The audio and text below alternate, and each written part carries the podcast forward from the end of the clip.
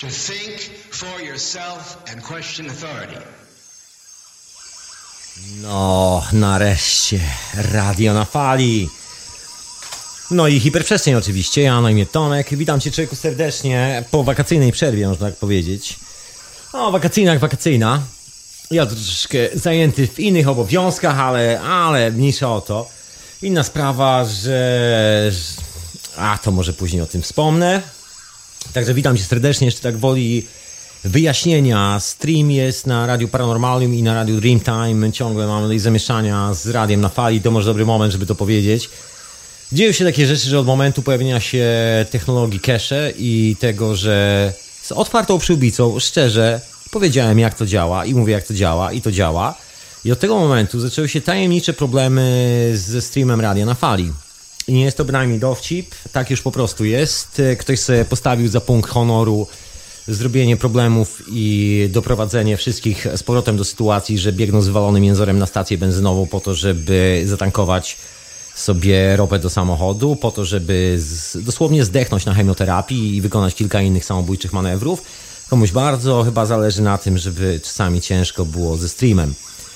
Tudzież stąd się biorą takie delikatne problemy, jest to potwierdzenie tego, że technologia działa. Innego, te, innego potwierdzenia nie ma.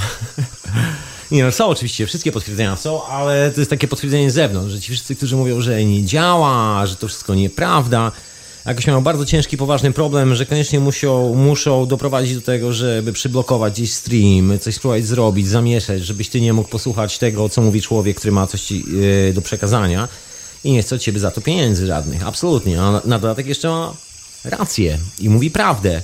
I to boli ludzi w niektórych, co po niektórych dosyć mocno, także stąd nasze problemy ze streamem. Ktoś się po prostu zaczaił i no po prostu ma spięcie dupy poważne.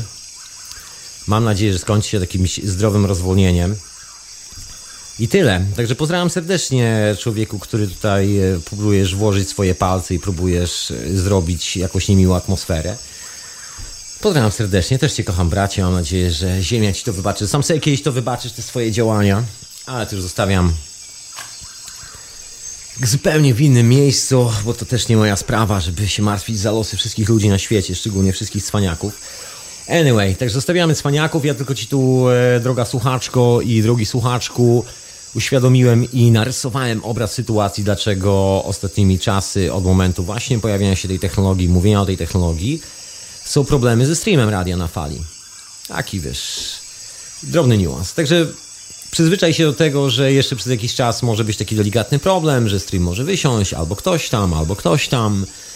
Wiesz, jak to jest w ropę, pedofilię i kilka innych rzeczy zainwestowanych tak potężne, ta, tak potężnej ilości pieniędzy, zasobów i wszystkiego, co tylko sobie możesz wyobrazić, że się w głowie nie mieści.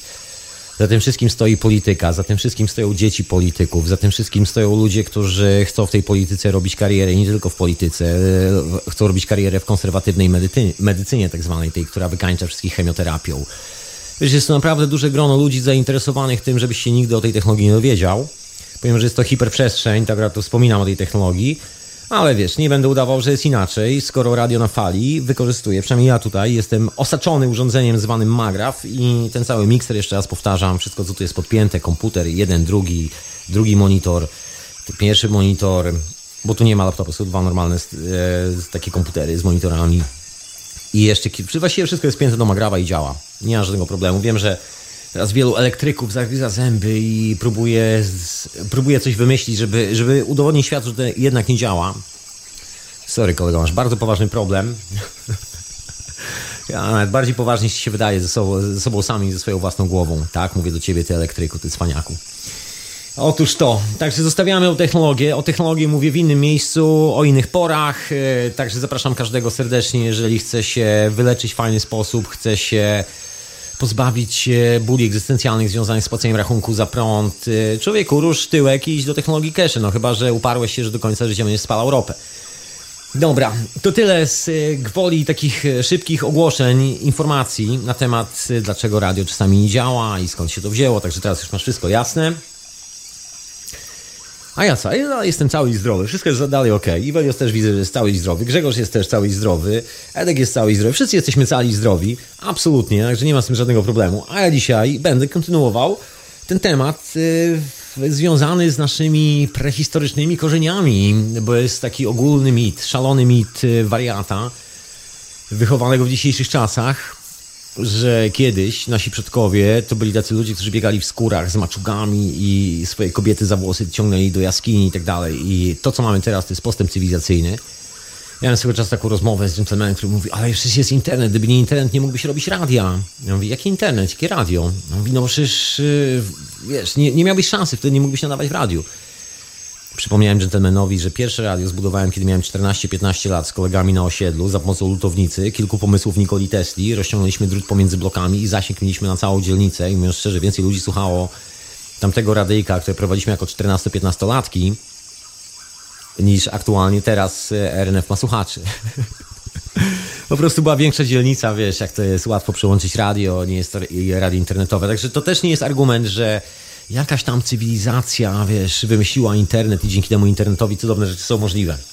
Nie do końca. Ja jestem ostatnio na etapie grzebania w tym Egipcie, grzebania troszkę w, w prelekcjach Johnego Antoniego Westa, którego bardzo lubię i pozdrawiam serdecznie. Johnny? Hello! Niesamowity starszy pan, gentleman, jegomość, który organizuje takie wyprawy do Egiptu i pokazuje bardzo ciekawe rzeczy. I on ma w ogóle kilka naprawdę trafnych refleksji. Człowiek przeżył już troszkę lat na tej planecie, więcej niż ja. No i ma o te parę refleksji mądrzejszych więcej niż ja. I on ma taką ciekawą refleksję ostatnio, kiedy rozmawiał z Joe Rogan. Jest taki odcinek e, fajnego podcastu, który bardzo lubię, Joe Rogan. Czasami oglądam, jeden z tych mniejszych podcastów, które naprawdę lubię oglądać przede wszystkim jak mam chwilę, to sobie tam wpadam. To są naprawdę bardzo ciekawe postacie, fajni goście, są prowadzący, jest naprawdę łebskim kolesiem, który ma ikrę jaja i miło się tego słucha.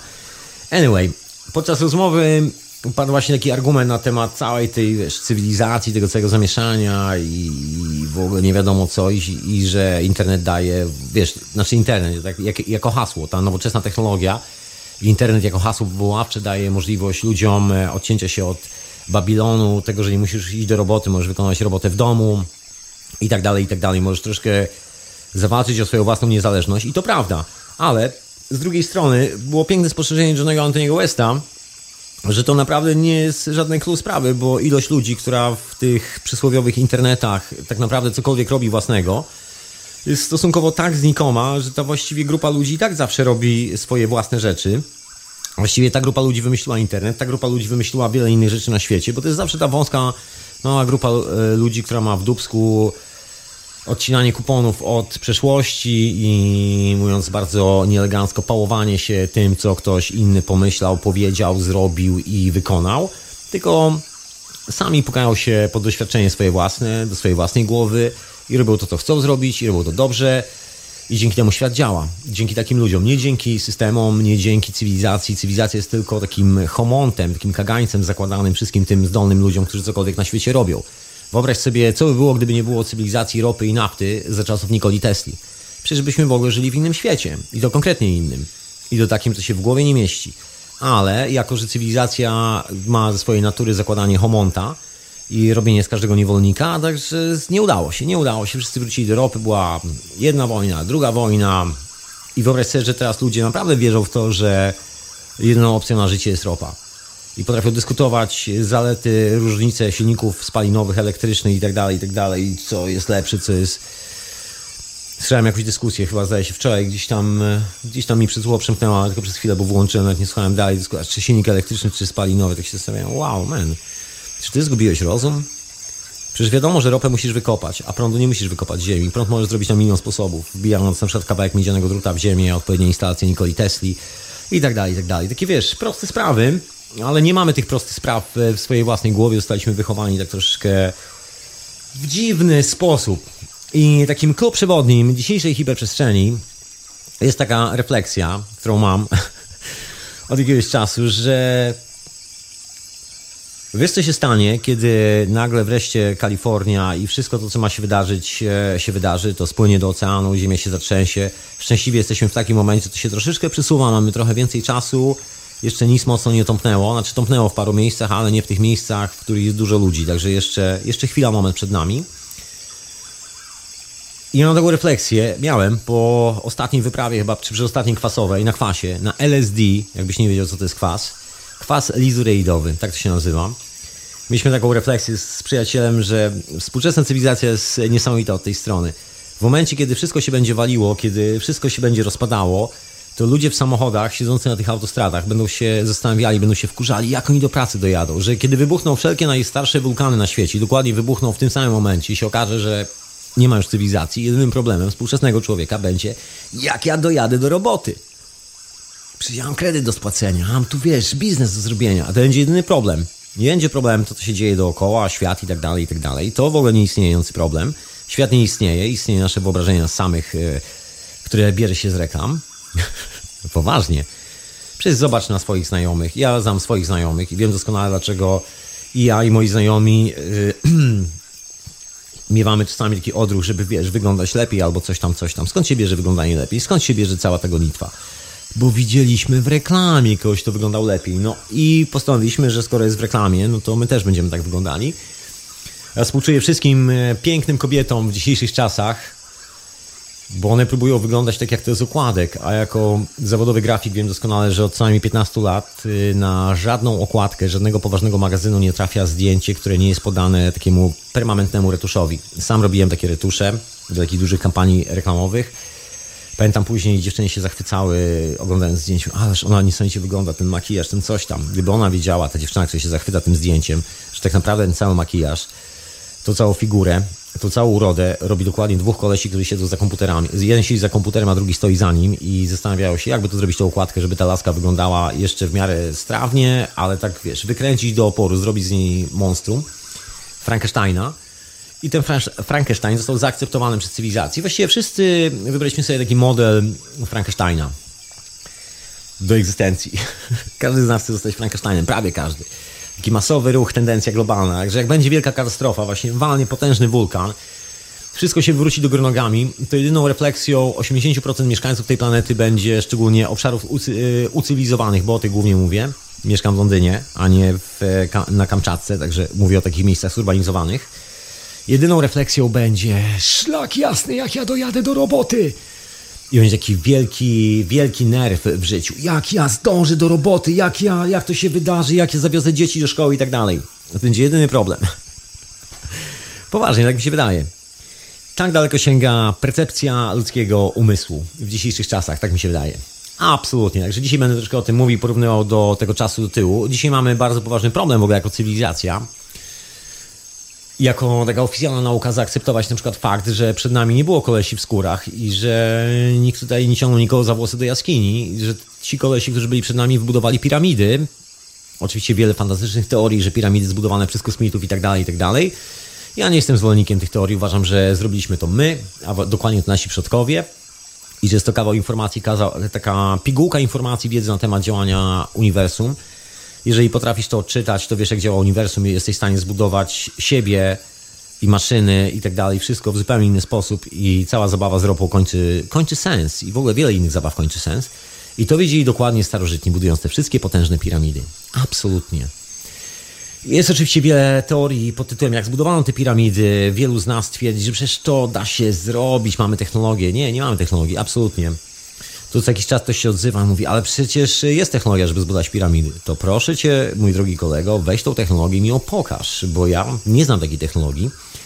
Próbowałem kilka razy w życiu z powodów zawodowo-dydaktycznych i tak dalej, i tak. Gdzieś miałem z tym e, taki zawodowy kontakt poważny. Kamienie szlachetne, wiesz, e, materiałoznawstwo, metale, twardość, wytrzymałość e, i wszystkie te historie związane z, ze stroną tak zwaną fizyczną, materiałów, które ocenia się w skali tak zwanego MOSA, czyli w skali twardości.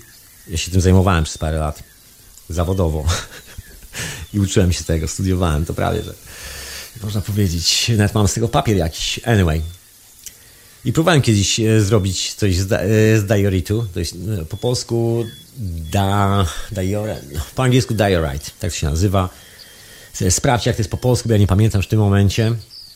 I to jest taki kamyk, który się no strasznie ciężko, że tak powiem, szlifuje, w ogóle cokolwiek z nim robi. Kamyk jest zrobiony tak, że jeżeli przyjrzy się pod mikroskopem na jego strukturę, wygląda jak sprasowane liście. To tak jak jesień w pięknym polskim lesie, wszystkie liście spadły z drzew i nagle ktoś nadepnął, sprasował wszystkie te liście i sprasował tysiące liści do milimetra kwadratowego, także struktura jest nieprzeciętnie twarda, ale jest właśnie taka warstwami poukładana i każde lekkie ruszenie jednej warstwy powoduje pęknięcie wzdłuż wszystkich warstw. I teraz jak widzę te wszystkie urządzenia zrobione z diorite, a widziałem parę takich urządzeń, które pochodzą z Egiptu, i słyszę tłumaczenia jakichś e, nawiedzonych młodzieńców, bo inaczej tego nazwać nie można, że przecież to jest, e, to my też potrafimy zrobić. To ja chętnie dam wszystkie narzędzia do ręki, wszystkie jakiekolwiek istnieją na świecie i powiem rób, rób synku, rób, a ja będę stał i patrzył jak robisz. No oczywiście znam wynik finalny. Jest to taki dowcip, bo wiem, że człowieka skonfuduje i ustawię go w sytuacji, że będzie musiał przełknąć własną dumę i powiedzieć Tomek, miałeś rację, tego się nie da zrobić. Oczywiście, tego się nie da zrobić. Przynajmniej my nie potrafimy tego zrobić. To się na pewno da zrobić, bo ktoś to zrobił, ale na pewno nie technologią, którą my obsługujemy. Bo technologia, którą my obsługujemy, to właściwie, jak się okazuje, jest żadna technologia. Nie ma nic wspólnego z tym, co przynajmniej ja osobiście nazywam jakimkolwiek rozwojem. Taki wiesz, wniosek dzisiaj ze spaceru po mleko. Strasznie wszyscy stre, straumatyzowani są. No też jest taki ciężki moment roku, styczeń, każdy chciałby zobaczyć troszkę więcej słońca, a musi iść do roboty. I właściwie każdy z nas buduje tą rzeczywistość cały czas tą robotą, robotą, robotą, robotą, robotą. I efekt będzie taki, że jak walnie jakiś wulkan, to pierwsza refleksja będzie taka, jejku, nie mogę dojechać do pracy. Nie będzie refleksji, świat się zmieni, wszystko się zmienia. Nie będzie żadnej refleksji. Oczywiście można mówić, że jest to tylko i wyłącznie moja spekulacja na ten temat i jak najbardziej jest to moja własna spekulacja, co się stanie wtedy, gdy walnie na przykład duży wulkan. Ale moja spekulacja jest poparta pewnym e, ciekawym, no właśnie, nawet nie tyle wnioskiem, ile bardzo ciekawą refleksją, którą sam zauważyłem, bo mam taką refleksję, że od dokładnie 3-2 lat zmienia się poważnie niebo nad Anglią. I to jest niebo, którego ja zupełnie nie znam, jeżeli chodzi o Wyspy Brytyjskie. No, mieszkam tu no, ponad 10 lat. Chyba. Jakoś tak. No długo tu już mieszkam. Na tyle długo, żeby wiedzieć, jak wygląda niebo nad Anglią.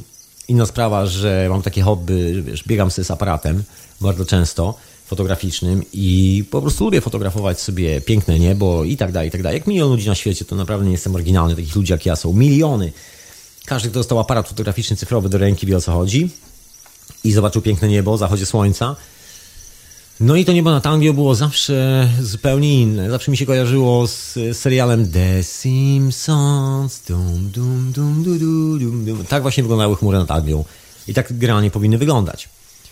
I kiedy sobie studiowałem w ogóle ten temat chmur nad Anglią, no bo tu kilku dziarskich malarzy, ja jestem miłośnikiem impresjonistów, tutaj e, mieszkało w Londynie i nie tylko w Londynie, bo na południu Anglii, jeszcze w kilku innych miejscach przebywali.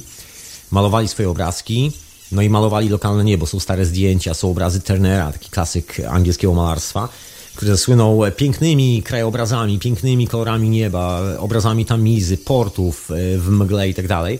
No tylko jedna część działalności. Druga część działalności to to bycie właścicielem nieruchomości o nazwie pub, bo ów malarz e, Turner był właścicielem pubu pod Londynem. Znaczy pubu to może za dużo powiedziane, był właścicielem właściwie, właściwie burdelu i miał drugą e, taką naturę, takie hobby malarskie, że malował te rozchłestane angielskie dziewoje, czy nie tylko angielskie, te dziewoje, które pracowały w owym e, przybytku, którego był właścicielem, czy tam współwłaścicielem.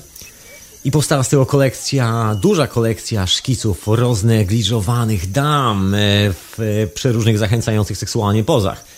I kiedy jeden z wielkich fanów Turnera który zresztą za życia dosłużył się nie byle jakich honorów, bo został przewodniczącym, właściwie został szefem, e, jak się mówi, rektorem. Tak, bo to po polsku będzie rektor Akademii Sztuk Pięknych, takiej e, Królewskiej Akademii Sztuk Pięknych, czyli właściwie największe wyróżnienie w, w królestwie, jeżeli chodzi o oficjalne przybicie pieczątki z buraka i ziemniaka dla artysty. I właśnie William Turner został takim kolesiem. Wszystkie medale i ordery rządowe i tytuł serii i tak dalej. Wszystko to było przed nim. No ale właśnie to drobne hobby, że malował te roznegliżowane, nieprzyzwoicie, frywolnie dziewczęta. Efekt był taki, że kiedy zmarł, jego e, obrazy stały się bardzo cenny, jeszcze bardziej cenny niż za życia. Był to facet, który był koszmarnie drogi już za życia. No to po śmierci podskoczyło wszystko do góry. I jeden z jego fanów No właśnie, to jeszcze powiem, że teren z powodu na te krajobrazy, który malował tak oryginalnie, tak zjawiskowo jak nikt inny przed nim, miał gigantyczną rzeszę fanów, ale do takich wręcz e, socjopatycznych fanów, którzy śledzili jego każdą pracę. I tam szukali tego drugiego dna, wszystkich rzeczy. No jeden z tych fanów po jego śmierci postanowił e, zgromadzić wszystkie jego dzieła, zafascynowany jego twórczością, no i trafił na te szkice. I tak się stało, że jak zobaczył te szkice, to poczuł się bardzo słabo. No widocznie miał jakiś problem z roznegliżowanymi dziewczętami albo coś w tym stylu. I don't know, ciężko tutaj coś wymyślać. W każdym razie gentleman wziął i spalił wszystkie te rysunki i to jest coś, co jest w Anglii oznaczane, jakby opisywane jako taka cicha strata. Właściwie nie wiadomo, co zostało spalone. Nie wiadomo, czy nie były to jakieś piękne rysunki, albo czy to było takie ordynarne porno, czy nie, co, co to było. Się nikt nie wie, bo wszystko zostało spalone. Facet, do którego rąk to trafiło, stwierdził, że te dzieła nie były godne mistrza i że mistrz wykonał je po prostu po pijaku albo jakoś tak i świat nie może ich zobaczyć, bo to zniszczy reputację mistrza. Także wykupił wszystkie te szkicowniki, rysunki i wszystkie komisyjnie spalił w kominu. I tak to wyglądało. Tak, i na nie, ale wracając do tego nieba, jest zupełnie inne niebo. Przynajmniej kiedyś było zupełnie inne niebo nad Anglią, a teraz jest zupełnie inne. Szczególnie nad Londynem. Londyn jest e, miastem, które znajduje się blisko, no dawne miasto portowe, blisko kanału francuskiego, angielskiego. Zależy kto to nazywa. Francuzi mówią, że to jest kanał francuski, Anglicy mówią, że to jest kanał angielski. A ja z takiej kontentalnej sympatii używam jednak francuskiej nazwy, to jest kanał La Manche. No i wielu tych e, malarzy, impresjonistów, Terne i cała ta kolekcja ludzi malowała to piękne niebo nad Anglią, nad Londynem. I to niebo jest tak dosyć specyficzne. Jeżeli tu mieszkasz, znasz je na pamięć, to gdziekolwiek byś nie był na świecie, rzucisz raz okiem, wiesz, wow, to jest to niebo. Powiem Ci ciekawszy numer. Jeżeli chcesz zobaczyć takie prawdziwe, angielskie, właściwie londyńskie niebo przy zachodzie słońca, to jest jeden taki genialny film, w którym to niebo jest częścią dekoracji. Jest to film, który się nazywa Czas Apokalipsy. Akcja się rozgrywa w Wietnamie. Tak wiem, wiem, brzmi egzotycznie, ale akcja filmu odgrywa się w Wietnamie. Tylko, że ten cały Wietnam wybudowano na północy Londynu w studiach filmowych. I chodziło o ten piękny zachód słońca, na tle którego wraz z tą e, uwerturą, która tam gra, tam jest taka scena słynna, nadlatują helikoptery amerykańskie, tak prosto z zachodzącym słońcem. Bardzo taka patetyczna scena. I te właśnie niebo, te zachodzące, patetyczne niebo, za tymi patetycznymi amerykańskimi helikopterami w filmie Czas Apokalipsy, to jest nic innego, nic innego jak niebo dokładnie nad Londynem, bo wszystko to było kręcone w studiach filmowych na północy Londynu. Fajne miejsce, teraz już takie nieco zdewastowane. Nie byłem tam dawno, dawno temu, to już e, parę lat temu było mocno zdewastowane. Tam dalej są studia filmowe, dalej są robione filmy, ale to już nie to samo. Się okazało, że po prostu kręcenie w Ameryce jest za drogie, nie ma pieniędzy, bo jest mały budżet na jeżdżenie do Wietnamu i tam się nie da tego nakręcić, także trzeba było szybko wynająć wszystkie palemki z całego Londynu, pozwodzić wszystkie tropikalne drzewa powstawić i kamera tak leci tylko po czubkach tych drzew, żeby nie było widać, że to jest Londyn i to piękne niebo. I to jest to niebo nad Londynem. I w ogóle nad Anglią. A jeszcze mieszkałem poza Londynem w innym miejscu, w Manchesterze, także miałem okazję się poprzyglądać troszkę, jak wygląda niebo nad wyspami. Wcześniej mieszkałem w Irlandii, także też wiem, jak wygląda wyspiarskie niebo. Jest inne. Ocean dookoła, słona woda robi swoje, wiatr. Nie ma kilku zjawisk atmosferycznych, które znamy doskonale z kontynentu. Nie ma na przykład burz aż tak często. Burze są tak wyjątkowo, wyjątkowym zjawiskiem, są zjawiskowe. O, tyle można powiedzieć. Że jest burza z piorunami, to jest wielkie wydarzenie. I tak normalnie w Londynie, czy gdzieś w tym miejscu, tu gdzie mieszkam, taka burza z piorunami, to może raz na ulala, no nie wiem, w środku lata może dwie, trzy takie burze i to taka sensacja, że wiesz, piorun walną, wszystkie gazety później drukowały zdjęcie pioruna, jeżeli ktoś sfotografował i to było wow. No są miejsca w Anglii, gdzie mocniej łupie piorunami, ale tutaj akurat nie za bardzo. No i co się stało? Łupie piorunami, słuchajcie. Dzisiaj był piorun. Grzmiało, pało, było gradobicie. No ale gradobicie i pioruny i tak dalej. Niebo się zmienia, słuchajcie. Niebo się zmienia. Tak obserwuję to niebo i moim zdaniem, i to mówię swoim znajomym i nie tylko, generalnie ci, którzy mnie znają to wiedzą, ci, którzy dobywają Słyszeli to ode mnie, że niebo się nad Anglią w ciągu ostatnich dwóch, no prawie trzech lat zmieniło. Są zupełnie inne chmury, inny kształt chmury. Czegoś takiego wcześniej nie widziałem. I to już nie wygląda jak The Simpsons, tylko przypomina bardzo kontynentalne chmury. Inne niebo. I na dodatek jest troszeczkę inne światło. O tym wiem, bo zawodowo jestem sklejony z tematem światła, ilości luksów e, poprzez aparat fotograficzny. Także należy do ludzi, którzy wiedzą o jakiej porze roku, jak ustawić przysłonę, wszystkie te rzeczy w aparacie, żeby zrobić odpowiednie zdjęcie na otwartej przestrzeni, przy słoneczku tak zwanym. I robię te zdjęcia, i nagle się okazuje, że wiesz co, dobieram inne, muszę dobierać inne parametry każdego roku coraz bardziej ekstremalny. Znaczy nie to, żeby słońca było mniej, wręcz odwrotnie. Dokładnie o tej porze roku, o której nie powinienem móc zrobić żadnego solidnego zdjęcia przy tych ustawieniach maszyny na zewnątrz, w ogóle przy tak zwanym słonecznym dziennym świetle, udaje się robić, i nawet nie udaje, po prostu wychodzą piękne, doświetlone, czyste zdjęcia z pełnymi półtonami. I to jest troszkę dziwne, bo zimą w Anglii nigdy nie było takiego światła, to zawsze był dramat i zawsze trzeba było wynajmować studia fotograficzne. Zima to był taki właśnie okres, gdzie się bukuje wszystkie te miejscówki na robienie zdjęć.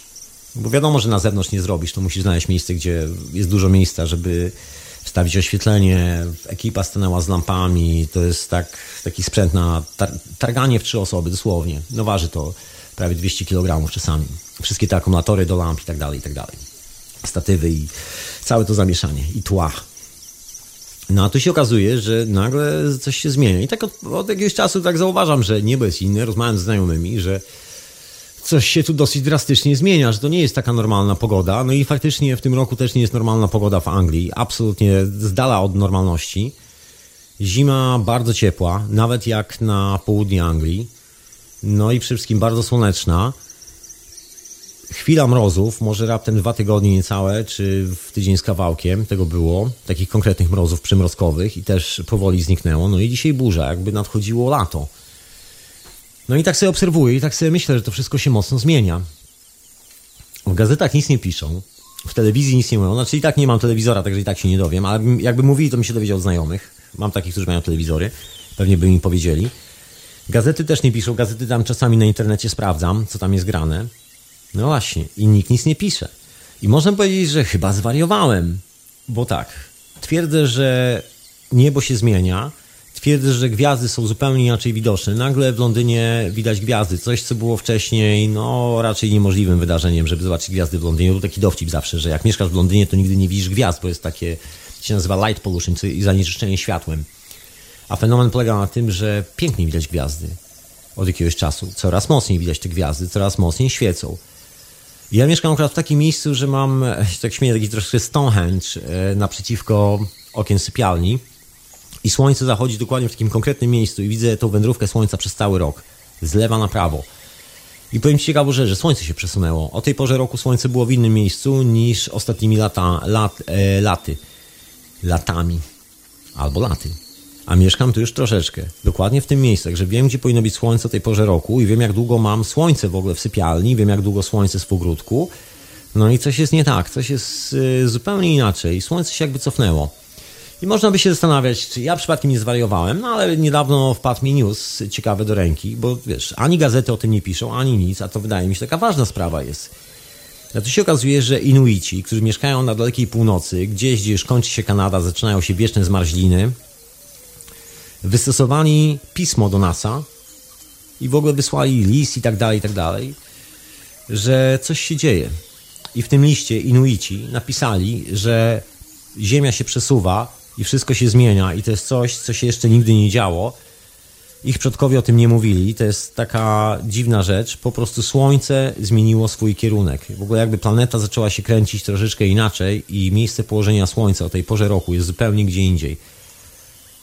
I o ile dawniej e, mieli słońce przez około godziny, to teraz dokładnie, kiedy polowali na foki, to teraz słońce jest przez dwie godziny. Że pik słoneczny się przesunął lekko w innym kierunku, znaczy zachód słońca nagle jest w innym miejscu niż był o tej samej porze roku. I to wszystko się wydarzyło dokładnie w ciągu ostatnich niecałych dwóch lat. Oczywiście żaden z astronomów tego nie powiedział, żaden z wielkich obserwatoriów astronomicznych Nikt nawet o tym się nie zająknął przez ostatnie dwa lata. Ciekawostka. A Inuici, którzy żyją bez GPS-ów, bez urządzeń satelitarnych, znaczy część z nich na pewno ma gdzieś tam, bo to już takie czasy, że nawet Inuici mają czasami telefon satelitarny, ale dalej żyją po swojemu, dalej polują na foki, dalej mieszkają w strefie polarnej. dalej są odizolowani od całego świata i dalej zależą komunikacyjnie od gwiazd, bo Inuici nie posługują się nawigacją satelitarną, kiedy ruszają na polowanie. Oni używają gwiazd. I dosłownie panowie zauważyli, że wszystko się przesunęło, wystosowali pismo, wysłali do NASA, no i NASA zostało poinformowane, że wszystko się przesunęło. I to jest zabawne, że potężna organizacja, tak jak NASA, z budżetem, który przekracza nie wiadomo co, przekracza wszelkie wyobrażenia o ilości pieniędzy zgromadzonych w jednym miejscu, przekracza wyobrażenia o ilości astronomów, yy, którzy są zaangażowani w obserwowanie nieba. Nawet nie wiem, ile teleskopów pracuje dla NASA, bo są teleskopy na satelitach, teleskopy na Ziemi, teleskopy tam, tu, siami, owędy cała armia takich amatorskich obserwatorów, którzy w swoim własnym ogródku mają teleskopy po parę tysięcy funtów i tutaj obserwują niebo i wysyłają te dane do NASA, tam się wymieniają i wiesz, żyją tym, że obserwują niebo i tak dalej. To jest fenomen. Wyobraź sobie, że żaden z tych kolesi nie zauważył tego, co zauważyli Inuici i ja, że miejsce, w którym zachodzi słońce się zmieniło, Ziemia się przesuwa i to w zupełnie innym miejscu. Tadam! Takie ciekawe spostrzeżenie od razu przychodzi mi na myśl z rzecz, która została zapisana w kronikach hiszpańskich, kiedy Hiszpanie przybyli do Ameryki, dokładnie do Meksyku. Indianie nie wierzyli, że widzą statki na horyzoncie. Po prostu nie chcieli uwierzyć. Szamani mówili, człowieku to jest statek.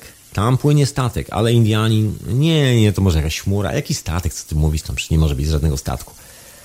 No i po paru chwilach się okazało, że na plaży wylądowały hiszpańskie statki i wybiły wszystkich tych Indian.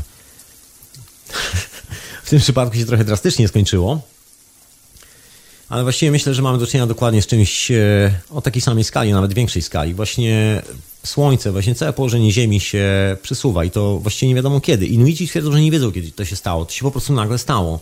I w tym roku już niebo jest gdzie indziej i w ogóle zmieniają się trasy zwierzyn i zmienił się wiatr. W ogóle wieje inny wiatr. Oni byli uzależnieni od tego wiatru, bo ten zimny wiatr powoduje, że mogą pójść na polowanie na takie, a inne zwierzaki. Jeżeli nie wieje te, te, ten wiatr z tej strony, wieje jakiś zupełnie inny, to wiadomo, że tam nie będzie zwierzaków, nie będzie jedzenia, nie będzie opcji na przetrwanie w taki klasyczny sposób. Także trzeba szukać nowych zasobów albo coś w tym stylu.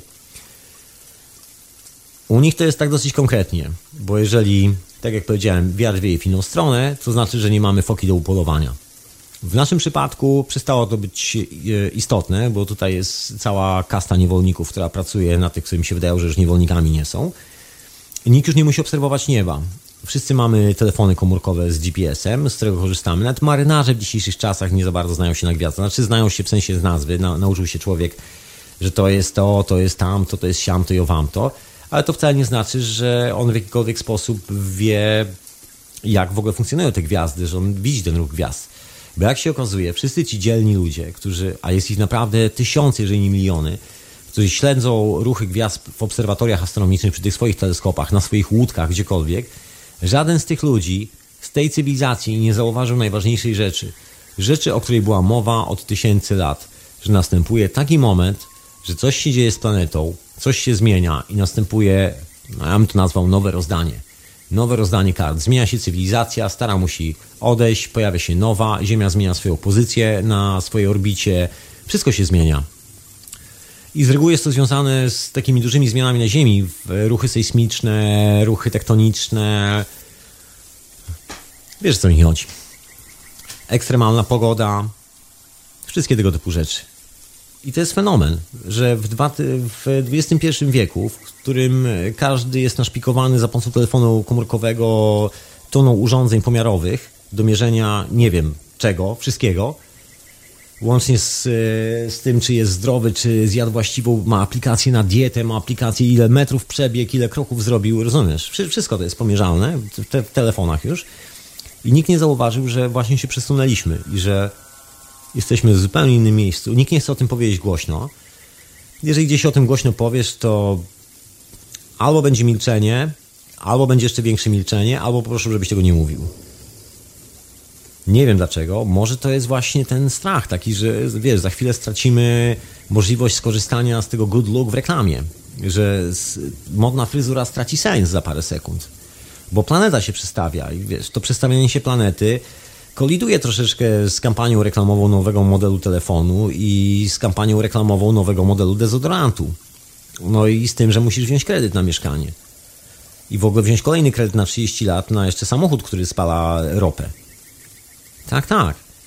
To jest ważna sprawa dla nas, przynajmniej tak mówią media. Ja dzisiaj próbowałem przeżyć się przez parę gazet, ale poza dziewczynami, o których się pisze, są aktorki, a wyglądają jak za przeproszeniem kurwy na tych zdjęciach. Nie wiem, czy na tym polega, że po prostu ten zawód w dzisiejszych czasach. Chyba tak.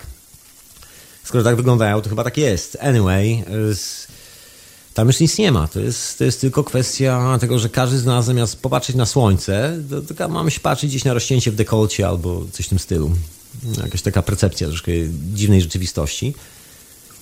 A zostały te potężne budynki i została ta ciekawa informacja, że co ileś lat, tysięcy lat, następuje wielka, duża transformacja Ziemi. Zmieniamy swoje położenie, wszystko się zmienia.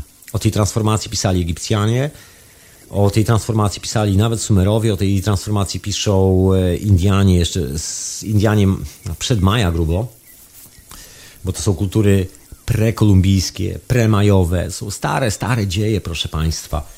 Te legendy zostały w Azji, legendy legendami, ale przede wszystkim została gigantyczna ilość potężnych kamieni i wiadomo, że te kamienie nie są obrobione technologią, którą my znamy. Nikt nie potrafi obrobić takich kamieni, jak leżą w Baalbek.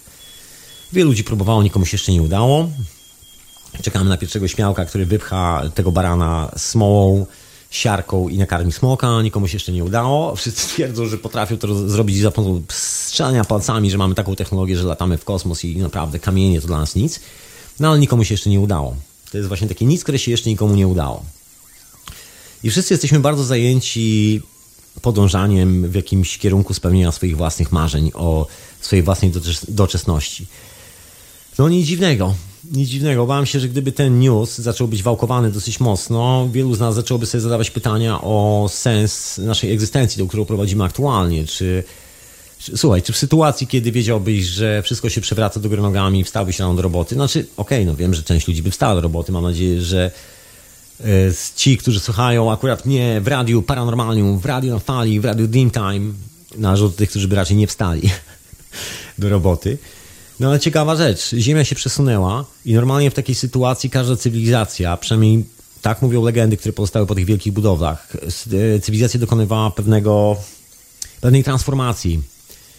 Wykonywano prace zabezpieczające, żeby zabezpieczyć się na wypadek potężnego łupnięcia. O tym łupnięciu jest pisane nie raz, nie dwa. Wszystkie te legendy, zbiorowa legenda o Wielkim Potopie. To jest w ogóle genialny mit, bo oczywiście ten mit został sprzedany, później opakowany jako podpierdolka o nazwie Biblia czyli e, zespół pieśni i tańca zebranych, pokradzionych pism innych i poprzesuwane tak, żeby jeszcze komuś wcisnąć bajkę o jakimś nieistniejącym demonicznym bóstwie, którego porze żywcem, jeżeli nie będzie oddawał mu czci honoru i zażynał zwierząt w jego imieniu, a najlepiej jak jeszcze zażnie sąsiada, brata i własne dziecko, to już w ogóle spełni pełną ofiarę, piękną ofiarę dla tego bóstwa. No właśnie, tylko to nam zostało. Natomiast legendy o potopie są na całym świecie. I bynajmniej nie mają nic wspólnego z katolami, ani psychopatami wierzącymi w e, bajki z cyklu Harry Potter, Biblia. Nie, nie, nie, to e, stara historia, naprawdę bardzo stara historia, przy czym doskonale znana archeologom, nawet tu w Anglii. Jest, e, jest coś jak brytyjskie Towarzystwo Archeologiczne i prowadzą bardzo szczegółowe badania gruntu Anglii. Ja sobie prześledziłem te wszystkie badania, bo to jest wszystko dostępne online. I widać w tych badaniach, jak się układają warstwy. I wiadomo, że to się zmienia. Wiadomo, że ileś tam lat wcześniej jest pustynia, ileś lat później jest coś tam, później jest morze, później jest powrotem coś tam, coś tam, coś tam. Wystarczy zobaczyć zdjęcia z północnej Sahary i południowej Sahary. Sahara, takie miejsce, gdzie jest tylko piasek, nic więcej. I nagle się okazuje, że na Saharze są jaskinie. Takie wiesz, kawałki skał, których jeszcze piasek nie zwiał. I są tam malunki, a na malunkach są ludzie, którzy się kąpią w rzekach, są zwierzaki, są palmy, rośliny. Słuchaj, tam była dżungla.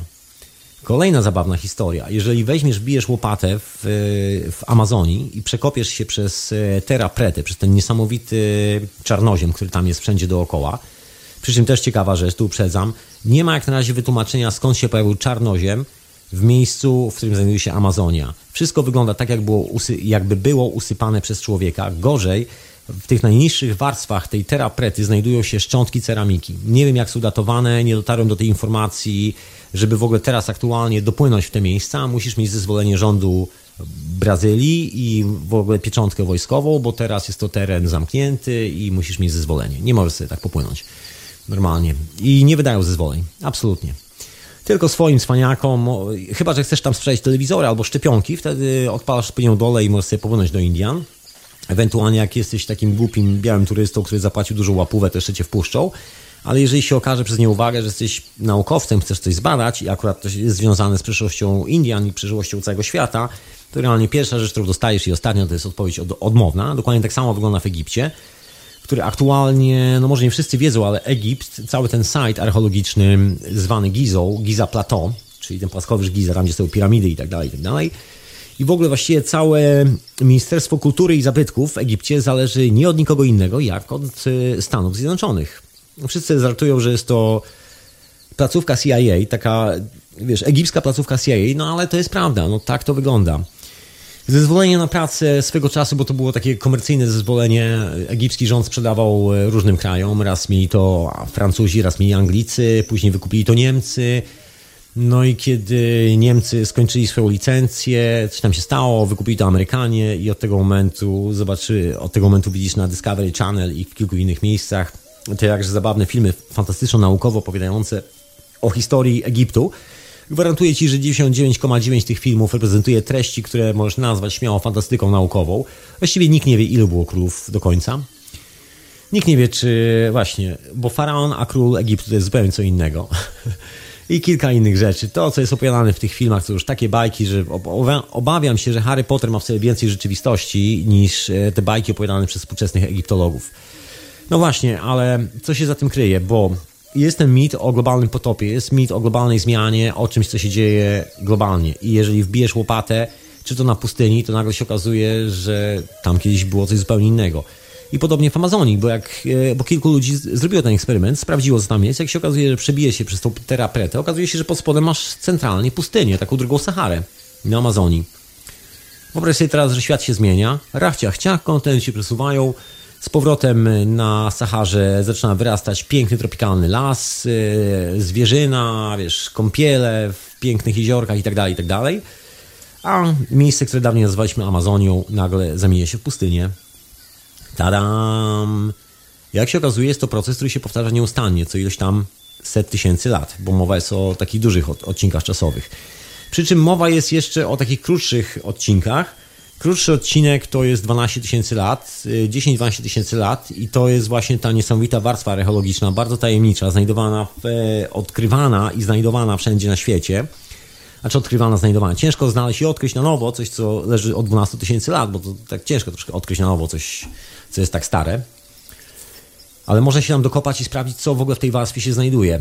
A znajduje się tam dużo materiału, który, no niektórzy twierdzą, że pochodzi z e, aktywności meteorytów, aktywności wulkanicznej, po prostu musiało mocno przygrzać, musiało mocno coś powybuchać dookoła, być może spadł met, e, deszcz meteorytów, nie wiadomo do końca.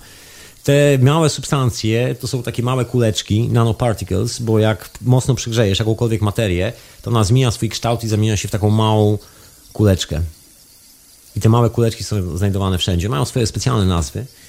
Jest taki gentleman w Polsce, który zrobił niesamowitą rzecz, po prostu powalił mnie na kolana, swoim e, badaniem na temat tego, z czego są zbudowane piramidy, dr Franz. Pozdrawiam serdecznie, jeżeli słuchasz. Człowieku, to po prostu moim zdaniem najważniejsze odkrycie, ważniejsze chyba to odkrycie Cartera. Bo Carter właściwie nic nie odkrył, poza tym, że wysadził piramidę w powietrze w niewłaściwym miejscu i udało mi się tam jednak dojść. Natomiast Franz odkrył, e, dr Franz odkrył coś bardzo ciekawego. Sferulki, tak to się nazywa. Te małe cząsteczki. On ich szukał w piramidzie Dowcip polega na tym, że te cząsteczki są znajdowane w wielu miejscach. Podobna historia z zielonym szkłem.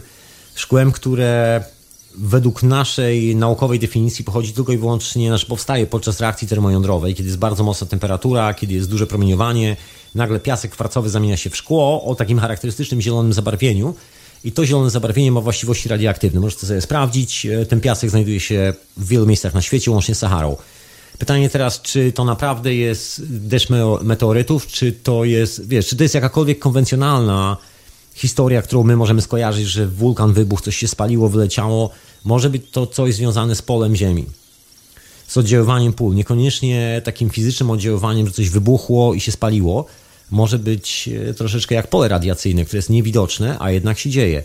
No i to pole radiacyjne wymusza pewne ruchy na Ziemi, które powodują, że wszystko się zmienia. I właśnie w tym momencie dotarliśmy do punktu, o którym wszyscy starożytni, których e, nasza cywilizacja wycięła w pięć, spaliła wszystkie te kodeksy, zniszczyła wszystko i wymyśliła sobie takie science fiction, naukę o nazwie science fiction do interpretowania, kim był faraon, kim był król Egiptu. W ogóle oficjalnie nie ma pojęcia król Egiptu. Oficjalnie egiptologia mówi o faraonach, ale to bzdura. Faraon to faraon, to jest zupełnie inna sprawa, a król Egiptu to król Egiptu. Kiedyś to wyjaśnię.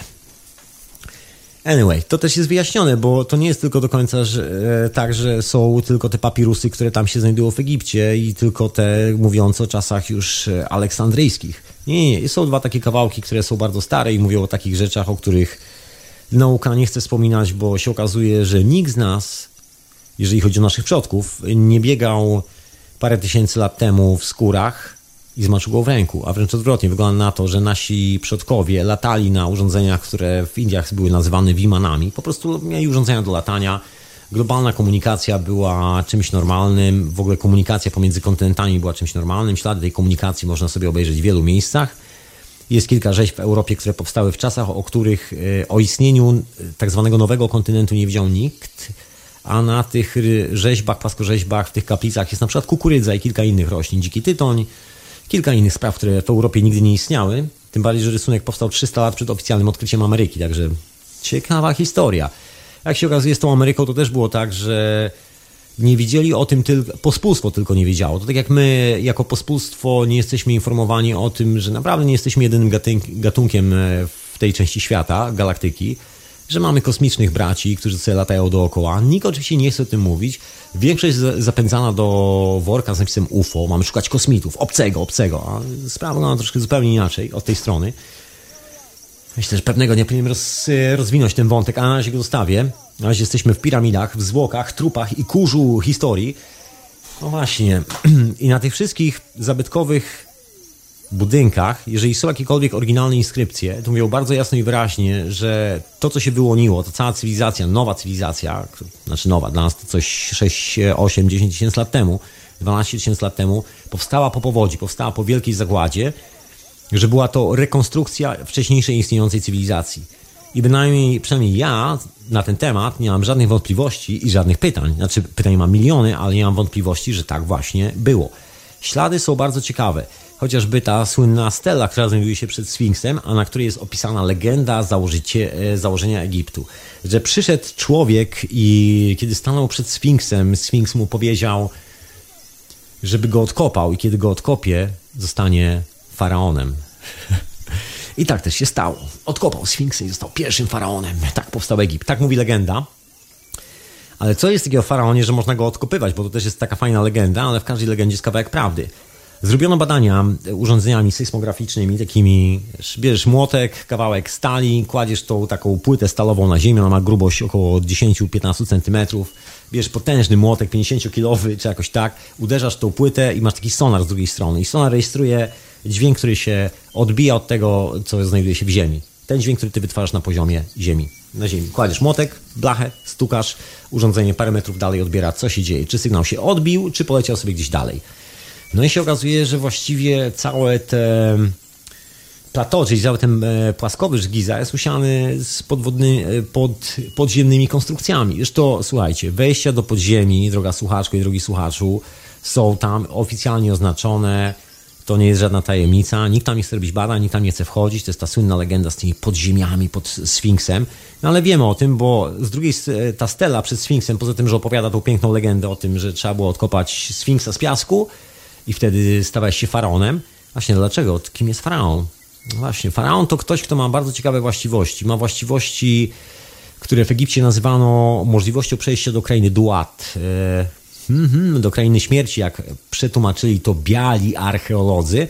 No Duat bynajmniej nie, nie jest krainą śmierci. Nie, nie, nie. To troszkę inna historia.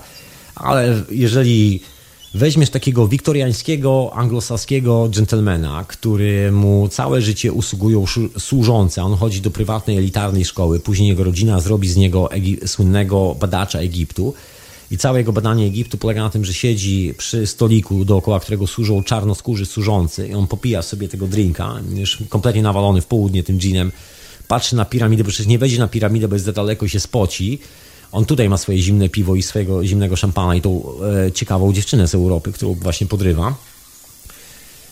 On się tym nie zainteresuje, on sobie, och, to bogowie na pewno wierzyli w jakieś bóstwa. To taka właśnie historia pisana przez kretynów. Co może wymyślić ciekawego kretyn poza kretyńską historią? Chyba nie za wiele. W każdym razie tak się to skończyło, że dookoła Egiptu powstało masę takich zabawnych historii.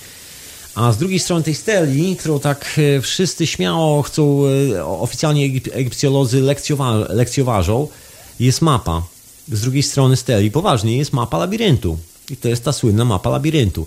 Ciekawostką z tą mapą labiryntu jest to, że właśnie to jest ta mapa, która się odnalazła później gdzieś w Hiszpanii, bo zanim Biblioteka Aleksandryjska została spalona i splądrowana, jakieś 200 tysięcy, znaczy no jakieś, nie 200 tysięcy, 200 lat przed tak zwanym Chytrusem Chrystusem, ktoś przepisał część tych rzeczy albo wywiózł z Aleksandrii, przynajmniej część e, dorobku naukowego i przemycił na Półwysep Iberyjski, do tak, dzisiejszej tak zwanej Hiszpanii. Stamtąd zresztą matematyka, filozofia, starożytne dzieła, Greka i tak dalej, to wszystko wróciło do Europy.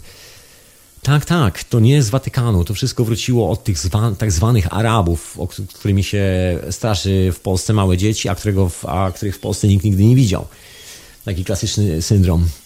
No właśnie, mam tu kilka ciekawych rzeczy jeszcze do opowiedzenia, jak to wygląda z tą naszą cywilizacją. Gdzie my, my w tym momencie stoimy jako, jako społeczność ludzi, która jest na planecie zwa, zwanej Ziemią, czyli naszym statku kosmicznym i jak transformuje ten statek kosmiczny, co się z nami potencjalnie może stać. Znaczy wszyscy już wiemy, że czeka nas globalna zmiana. Właśnie NASA podało kolejne i nie tylko NASA, bo i kilka innych instytutów naukowych oderwała się potężna płyta tektonii, znaczy potężny lodowiec się oderwał od Grenlandii, o ile dobrze pamiętam, i to taki, jakiego jeszcze wcześniej nie widziano. Zaczynają pękać kontynenty, są pęknięcia. W Afryce Południowej widziałem zdjęcie, dosłownie taki potężny, potężny obszar ziemi po horyzont prawie, popękany. Nagle, nagle rozstępy się zrobiła, nigdy tam nie było trzęsień ziemi. I takich anomalii jest po prostu masa. Jeżeli chcesz to śledzić, to będziesz w szoku, ile tego się aktualnie dzieje albo i nie w szoku, albo dotrze do ciebie, że to jest właśnie ten moment, który wszystkie te cwaniaki zapatrzone w reklamówki, zapatrzone w modną fryzurę i nowy model telefonu przegapiły. Wszyscy ci budowniczowie internetu, wszyscy ci budowniczowie telewizji satelitarnej i jeszcze większego rachunku, jeszcze szybciej i mocniej działających usług bankowych i jeszcze sprawniejszej armii przegapili. Absolutnie przegapili. Świat się zmienia. I to jest ten fenomen, że pomimo wiesz, posiadania milionów ludzi, którzy mają własne teleskopy, milionów ludzi, którzy pracują dla uniwersytetów, z obserwatoriów astronomicznych, miliony ludzi piszących prace naukowe na temat, co się dzieje z gwiazdami. Potrzeba było chłopaków z dalekiej północy, Inuitów, którzy napisali list do NASA, że Słońce się przesunęło, bo NASA tego nie zauważyło. Czujesz ten numer? Właśnie statki dopływają a miejscowi mówią: Nie, nie, nie, to tylko chmury na horyzoncie, jakie tam statki, jakie tam statki. Las, las, las i jeszcze raz las. Oraz oczywiście radio na fali. Ja mam na imię Tomek. Właśnie możesz zadzwonić na Skype'ie. Skype do mnie to oczywiście radionafali.com.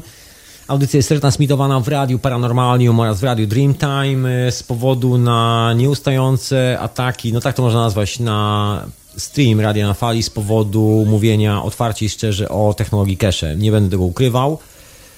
Banda pedofili, gówniarze, którzy dla nich pracują, nawet o tym nie wiedząc, banda frajerów e, z korporacji naftowych e, próbuje zakopać tą informację pod ziemię, także człowieku, bury in your mind, zatrzymaj to w głowie, nie jest to niedziałająca technologia, jest to jak najbardziej działająca technologia i ktoś próbuje cię przestraszyć i spowodować, żebyś się o tym nigdy nie dowiedział. Tak jak w przypadku Nikoli Tesli. Ktoś próbuje wykonać dokładnie ten sam numer, który wykonywano w Nowym Jorku, kiedy Nikola Tesla odpalił swój samochód, a gazety zaczęły pisać, że to jest sprawka diabła, że on nie tankuje benzyny. Że nie da się w to wkręcić. E, pamiętaj, że cwaniaki mają bardzo krótkie nogi i daleko nie pobiegną. Tym bardziej, że no wiesz, o kim jest mowa. Mowa jest o ludziach sklejonych z gangami pedofilskimi i jest to tak, że tak powiem, dodgy shit. Ale zostawiam ten dodgy shit, to nie jest moja sprawa, ani twoja, mam nadzieję. I tak e, sami będą musieli sobie z tym poradzić, co mają w głowach. Już nadchodzą chyba takie czasy. Anyway, wracając do naszych, e, do naszych rozważań, właściwie moich rozważań na temat końca, końca i początku. Właśnie, bo co mówią te starożytne legendy? Starożytne legendy, pozdrawiam w ogóle Michała na czacie, pisano w człowieku. Tam na czacie wspomniał, wspomniał, że może do tego służyło Stonehenge, do sprawdzania jak zmieniają się planety, jak wędruje Słońce. Oczywiście, że tak, słynna brama Słońca w Ameryce Południowej. Kto to słyszał? Na pewno wszyscy słyszeli o tej słynnej bramie Słońca. Ale właśnie przez tą bramę nie zawsze przychodzi Słońce. Był taki pan o nazwisku Poznański, który zbadał kilka miejsc w Ameryce Południowej, szczególnie właśnie tą bramę Słońca i stwierdził, że Słońce owszem przechodziło przez tą bramę, ale 17 tysięcy lat temu co lekko zmroziło wszystkich archeologów, bo oczywiście nie można było oficjalnie powiedzieć, że ludzie, którzy tam mieszkają, nie są pierwszymi ludźmi i że mieszkają tam dłużej niż Europejczycy uznają swoją własną białą cywilizację rzymską zaistniejącą na świecie. Nie może być tak, że jest inna cywilizacja niż rzymska, więc oczywiście zakopano to wszystko pod ziemię, dalej się zakopuje, bo to przeczy naszemu dobremu samopoczuciu. Właściwie nasza cywilizacja dzisiaj się nie różni od e, czasów Igrzysk Rzymskich, e, tego największego barbarzyństwa, bo właściwie Imperium Rzymskie było największym barbarzyństwem w historii ostatnich 2000 lat. To trwa do dzisiaj, się nazywa tylko inaczej, nazywa się Watykan i Unia Europejska, czy jak to zwał, to jest dokładnie popuczyny po Imperium Romana, te same koneksje, te same układy, te same rodziny, ten sam biznes, tak samo robiony, tylko że za pomocą nowocześniejszych i szybszych technik, tylko tyle się zmieniło. I ciekawa rzecz, e, jeżeli śledzisz uważnie mniej lub bardziej jakieś takie, wiesz, e, ni to spiskowe, takie śmiedło, widło i powidło, tak, by to, tak bym to nazwał, takie fakty, to zauważyłeś, że ostatnio jest mowa, że... Czekajcie, mam tu telefon, mam tu telefon, odbieram telefon od Krzysztofa. Dej. Witam, witam Krzysztofie. Daj mi skończyć myśl i, i już, już e, się zabieram za rozmowę z tobą. Był taki news, że zresztą się dziwi, co to się dzieje, że głowy państw, głowy państw, dużych państw nagle wyjeżdżają gdzieś na jakiś tam lodowiec, ja na drugi koniec świata, na Arktykę i wszyscy spotykają się na Arktyce. Jak myślisz, co ci ludzie, którzy rządzą światem, tak zwanym światem komercyjnym, bankami i tak dalej, to jest cała ta szajka bandziorów, co oni robią, co oni obserwowali wśród tych wiecznych lodów? No na pewno nie miały niedźwiedzie. Wiesz, co oni tam obserwowali? Dokładnie ten paradoks, tak zwany paradoks ze Słońcem, że Słońce się przesunęło. To już masz odpowiedź, co Obama, co Putin, co ci wszyscy kolesie robili tam, bo tam to dobrze widać i też jest to obserwowane. Tam też są obserwatoria astronomiczne. Okej, okay, e, Krzysztofie, wracam do ciebie. Jak zdrówko, jak samopoczucie w ten piękny sobotni wieczór? Dobry wieczór, słuchać mnie? Idealnie. Aha, no, a wiesz co, szczerze, to mnie złamała jakaś grypa i oprócz tego, że fizycznie czuję się totalnie wyczerpany. Uch. E, no tam 38 skromnie ponad, no to poza tym wszystko w porządku. Czego ty musisz jakąś technologię kesze przytulić e, do tego wszystkiego, jakieś gansy, wiesz, e, zadbać o siebie człowieku, czas najwyższy. Ja zapomniałem, że mam nunchako. No właśnie, właśnie, dokładnie, bardzo dobra rzecz. Czas go uruchomić, wiesz? Bardzo dobra Ale... działa zawsze. Yy, no właśnie. Dobra, słuchaj, zostawmy Janka, zostawmy yy, Pierwszy Keszego. temat mhm. to taki, taka wstawka. Ta, ta, muzyczka to był zespół Air, z tego co kojarzę, tak? Air, powietrze. Air, a, powietrze. A, aha, no to The French no to... Band. Air, Air, monsieur. No, bardzo, bardzo na okładce jest taki bardzo wiesz, na okładce jest taki bardzo narodowy, mam pierwsze wydanie tej płyty oryginalnej i tam jest taki piękny napis, taki The French Band, francuski zespół na dole, żeby nikt się Nikt sobie nawet nie pomyślał, że angielski. No właśnie, tacy, tacy nacjonaliści radośni. Ale zostawmy już. No, ja tylko powiem, że y, jak chciałem kupić bilet na ich y, koncert w Warszawce, to się troszkę zniechęciłem, bo to wychodziło jakieś około 100 euro. Więc się cenią. No, ale... ale to już nie jest ten sam band, wiesz, te ostatnie numery takie słabe.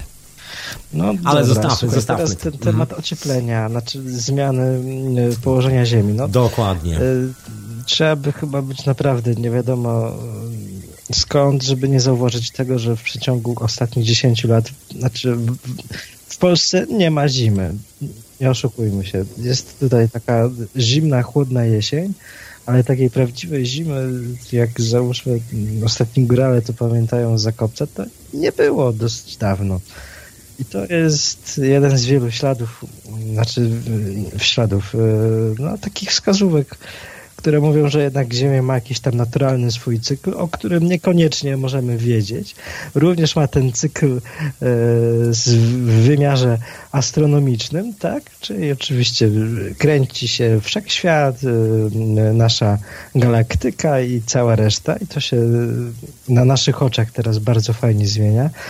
No i po trzecie, wiesz co, tak coś mnie yy, trąciło, żeby wspomnieć o, o trzęsieniach ziemi, o których mówiłeś dwa miesiące, trzy miesiące temu wrześniu, w październiku, mhm. bo zapowiadałeś coś konkretnego na koniec roku. Ewentualnie... Zapowiadałem szczęśliwie, szczęśliwie. Moja zapowiedź jeszcze się nie sprawdziła, także szczęśliwie jeszcze chodzimy tak spokojnie. Ale wiesz co, jeżeli, sprawdź co się działo w ciągu ostatnich paru godzin. Są trzęsienia ziemi w takich miejscach, że się można mocno zdziwić, bo tam się nigdy ziemia nie trzęsła. Mhm. Y, cztery godziny temu było walnięcie w Portugalii, trzęsienie ziemi. Tam się niezbyt często mhm. trzęsie. To znaczy, ale to jest to, co ty mówiłeś, że jeżeli coś się, załóżmy, zmienia na naszej planecie Ziemia, tak? No to są tego typu ślady. Ja tylko, wiesz co, powiem ci, że jak usłyszałem tę audycję, zacząłem sprawdzać w internecie, gdzie te trzęsienia są, e, czy są jakieś zbiorcze zestawienia. Rzeczywiście są, ludzie e, e, tworzą takie amatorskie bazy danych, po których naprawdę mogą wywnioskować co gdzie kiedy się zdarzy. Najbardziej zadziwiło mnie to, słuchaj, jak zobaczyłem górę pękniętą na pół gdzieś w Irlandii, tam gdzieś niedaleko ciebie. No po prostu wyszedł taki, że musisz dać kroka. Skała się po prostu rozsunęła, nie? No, ziemia. Wyspy, jedna z wysp Japonii się przesunęła i to tak zdrowo się przesunęła. O, o, wiesz co, nie chcę teraz strzelać, ale pamiętam tylko porównanie. Nie, nie wiem ile metrów, się, czy to były 3 metry, czy jakoś tak. W sensie porównanie bo czytałem raport taki geologiczny na ten temat. To nie był raport pisany no. przez kogoś, kto wiesz, nie jest geologiem, tylko raport geologa. I to paru geologów z Uniwersytetu Tokijskiego przetłumaczony na język angielski. Konkluzja była dosyć prosta. Ten ląd, ten kawałek skały się przesuwa 1 mm na 1000 lat. I w ciągu jednej nocy przesunął się o parę metrów. No to rzeczywiście robi to wrażenie.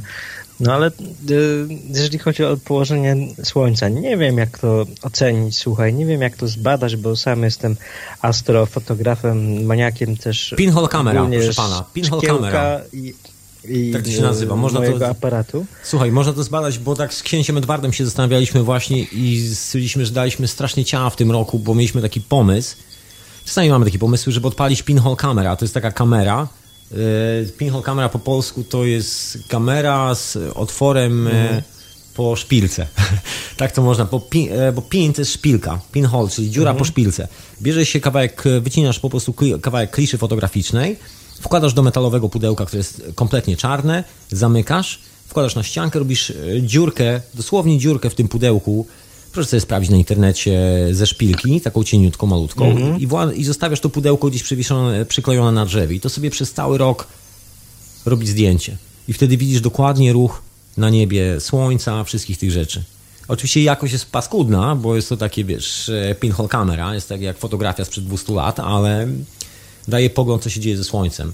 Zresztą inna sprawa, mhm. jeżeli śledzisz te właśnie newsy związane z trzęsieniami ziemi, to zapewne zauważyłeś jedną rzecz. Ilość trzęsień ziemi na tydzień aktualnie. Już nie liczymy na miesiące, tylko liczymy na tydzień. Jest dosłownie liczba trzęsień ziemi, które aktualnie mamy w ciągu jednego tygodnia na tej planecie, przewyższa to, co się działo 20 lat temu w ciągu jednego roku. Mhm. Albo lepiej. No, czyli, czyli coś, coś, coś się dzieje. Tak jak, tak jak e, kiedyś, e, nie wiem, e, chyba też wspominałeś o tej, o tej ciekawej teorii ruchy tektoniczne, tak? kontynentalne, tak, tak, tak. coś tam, coś nie Słuchaj, pamiętam, bo to była nazywa. teoria, bo to była teoria, dosłownie tydzień temu został opublikowany oficjalny raport, który jest podpisany przez rząd Stanów Zjednoczonych i kilka bardzo poważnych agencji, w ogóle takich mhm. rządowych z całego świata, konkluzja jest dosyć prosta. Ruchy tektoniczne, płyt tektonicznych, o których myśleliśmy, że je znamy, bo wszyscy mówili, nie, to niemożliwe, że Kalifornia zjedzie pod wodę, to niemożliwe, że Nowy Jork spłynie pod wodę, nie, to niemożliwe, to wszystko opowieści wariatów. I nagle się okazało, po badaniach satelitów i tak dalej, i tak dalej, mierzenia tego wszystkiego, nagle się okazało, że sen wariata stał się rzeczywistością, która przeraziła mocno. Okazało się, okazuje się, że faktycznie te ruchy tektoniczne tak właśnie wyglądają, że, jest, mhm. że są zupełnie inne niż do tej pory uznawane i projektowane przez naukę. Okazuje się, że model klimatyczny ruchu płyt tektonicznych, to jest oficjalny wniosek tego raportu podpisanego przez parę mhm. uni uniwersytetów, jest zupełnie inny. I no wiesz, nie było tam takiej konkluzji, ale bardzo łatwo było wnioskować. Właśnie czekała nas y, wielka zmiana. Tak wielka, że część kontynentów zniknie, znaczy w cudzysłowie kontynentów zniknie. Mhm. Być może pojawią się nowe. Generalnie zmieni się w ogóle fizycznie mapa świata Już nie będzie takiej. Mhm. Te mapy, które mamy teraz, takie globusy, to już będą takie zabytkowe. To będziesz mógł pokazać swoim dzieciom i powiedzieć: Zobacz, tak wyglądała planeta Ziemia, kiedy ja się urodziłem na tej planecie. Wiesz co, co mi się też przypominałem, przypominają mi się dwie, dwie historie, o których chciałem powiedzieć. To tak jak powiedziałeś wcześniej, wystarczy, że jeden z większych wulkanów wybuchnie w Stanach, w parku Yellowstone, tak? No i koniec. I, i ziemi nie ma na, na, jakiś czas. Nie wiem. Znaczy nie no, ziemia jest, wiesz, nie, nie ma problemu. Nie ma znaczy, po prostu połowy Ameryki, bo tam jest... Życie, tak? Przestaje założyć. Nie, nie, życie dalej istnieje. Życie dalej istnieje. To Ameryka ma problem, bo w tym momencie z Ameryki, północnej Ameryki robią się dwa kontynenty. No A po środku Ameryki wybuchło, powstaje no to... morze nie wiadomo, co by się stało, byłby niezły dym, nie? Słuchaj, no właśnie, a propos, a, a, słuchaj tej znaczy, fotografii... Ja tylko dodam jeszcze jedną kiedyś... rzecz, tak, bo, no. Bo powiedzieć, nie wiadomo, co się stanie, wiadomo, że będzie dym. Nie do końca nie wiadomo, co się stanie, ponieważ z powodu na ten właśnie raport geologiczny na temat w ogóle nowego ruchu płyt tektonicznych i nowego w ogóle modelu w ogóle ruszania się mhm. wszystkiego na tej planecie, wyszło kilka takich dodatkowych drobiazgów. Okazuje się, że to jest w tym raporcie, że to nie jest nic nowego, że to jest model, który się, że to jest stały ruch planety. No i tu się nagle no okazuje, no że weźmiesz łopatę, tylko musisz się przebić naprawdę bardzo głęboko. Jeżeli się przebijesz naprawdę głęboko, głęboko, to dowiesz się, co mhm. tu się działo wcześniej. Mhm.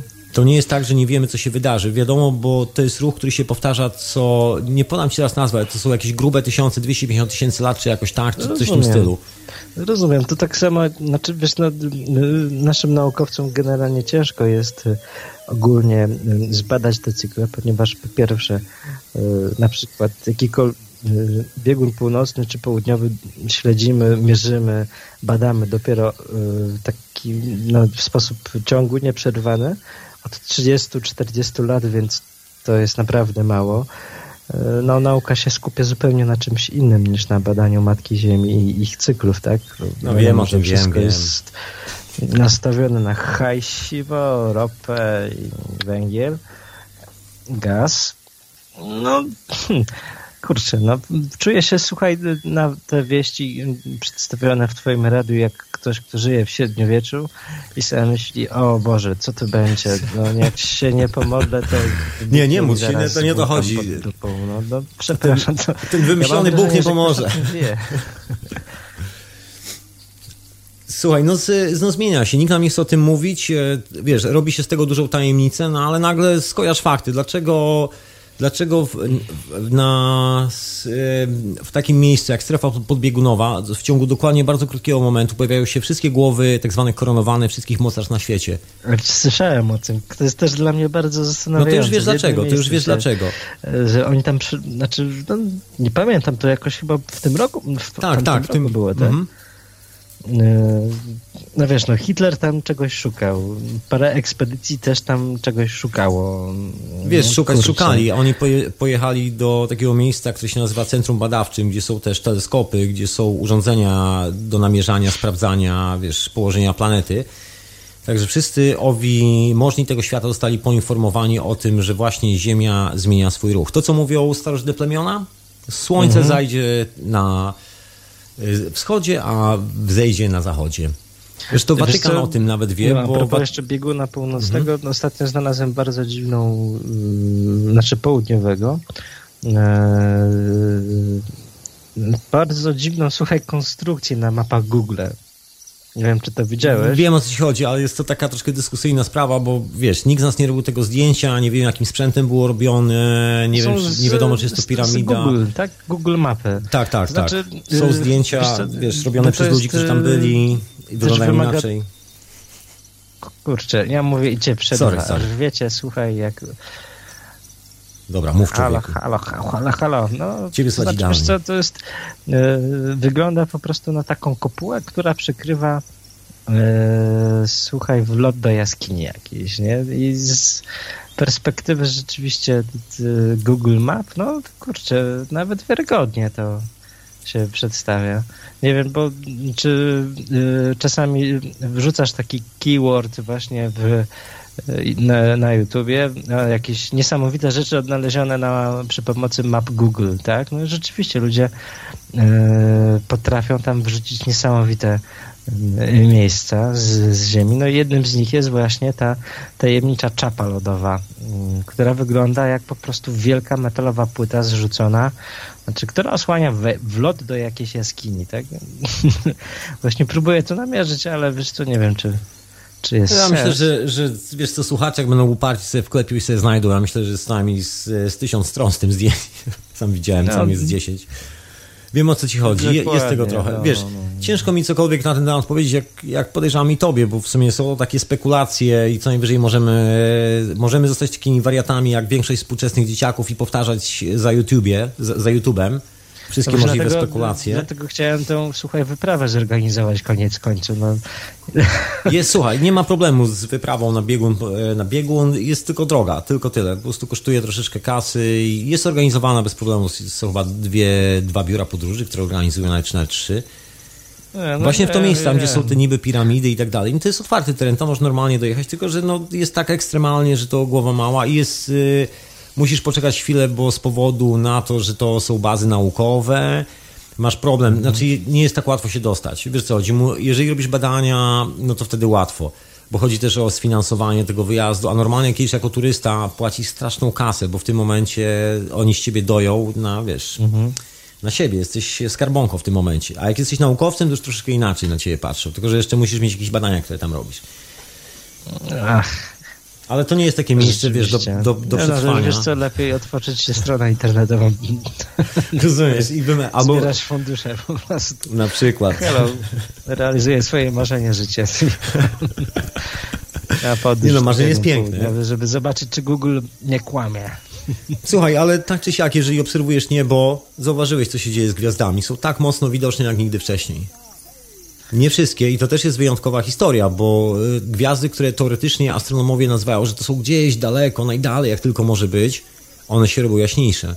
Czyli to przeczy w ogóle jakiejkolwiek teorii oficjalnej, naukowej, która mówi o odległościach gwiazd, prędkości fotonów przez kosmos. Wiesz, wszystkie te bajki nagle znikają.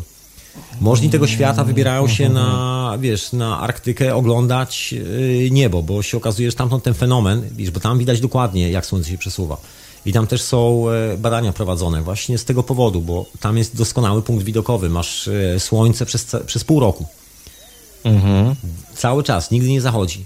I możesz cały czas mierzyć elegancko sobie punkt, e, punkt, w którym się znajduje Słońce, bo ono nigdy nie zachodzi. Masz je cały czas przed sobą i cały czas możesz sobie zapisywać pozycję. Normalnie jest to niemożliwe, bo wiesz, Słońce wschodzi, zachodzi, ruch obrotowy Ziemi i tak dalej, i tak dalej. Także jeżeli chcesz takie rzeczy obserwować, to właśnie takie miejsca jak Ar- Arktyka, Grenlandia są wręcz doskonałe do dokonywania właśnie takich obserwacji. To, to nie jest przypadek, jeszcze raz powtórzę, tam właśnie się udali możni tego świata. To nie jest Słuchaj, spisek, ta, to ta ekipa prostu... na którym biegunie się spotkała?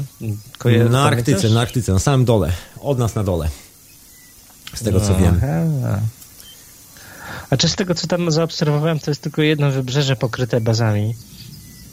Wiesz, to, nie jest, Eee. to tak naprawdę nie jest istotne, bo to jest, wiesz, tylko miejsce do obserwacji. Chodzi o wysokość szerokość geograficzną. Chodzi o tak zwany, tak zwany wieczny dzień, który cały czas trwa przez parę miesięcy. I masz cały czas słońce przed sobą, także jak sobie masz te wszystkie monitory, komputery, kamery, sobie pozycjonujesz łącznie z GPS-ami i od razu wiadomo o co chodzi. Wiadomo, czy słońce jest w tej samej pozycji, czy się przesunęło. Tam to widać od razu. Wiesz, bo tutaj mamy, wiesz, wschód, zachód słońca, wiesz co, budzisz się rano i możesz nie kojarzyć po prostu, gdzie było słońce. Większość tej cywilizacji nawet nie wie, że coś jak słońce jest, bo słońce, jeżeli już ogląda w, na ekranie swojego telefonu, sprawdzając pogodę na następny dzień, to jest jedyne miejsce, gdzie widzą zdjęcie słońca. Rozumiesz? No, niestety, jest to przykre.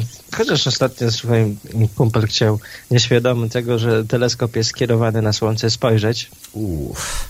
A mówię, stary, krzyknąłem w ostatnim momencie, nie, mówię, popatrz, ja tutaj od tego odpalam szluga. Dokładnie. A ty tam chcesz spojrzeć. Wow. To by zobaczył światłość. tak, tak. Ostateczna światłość, po której zgasło światło. No, ale powiem ci, że obserwowałem parę lat temu dosyć namiętnie plamy na słońcu. Rzeczywiście e, kiedyś, znaczy jakieś parę lat temu e, ta aktywność słoneczna, która, która się powta- powtarza raz na 11 lat, miała e, znaczne opóźnienie, chyba, chyba ponad rok czasu. Bo to był ten oficjalny cykl, który tam opisała NASA nawet na swoich stronach, że cykl, cykl w ogóle słoneczny ma 11 lat, czy tam 11,5 roku i to jest cykl, po którym Słońce wraca z powrotem do punktu aktywności i tak dalej.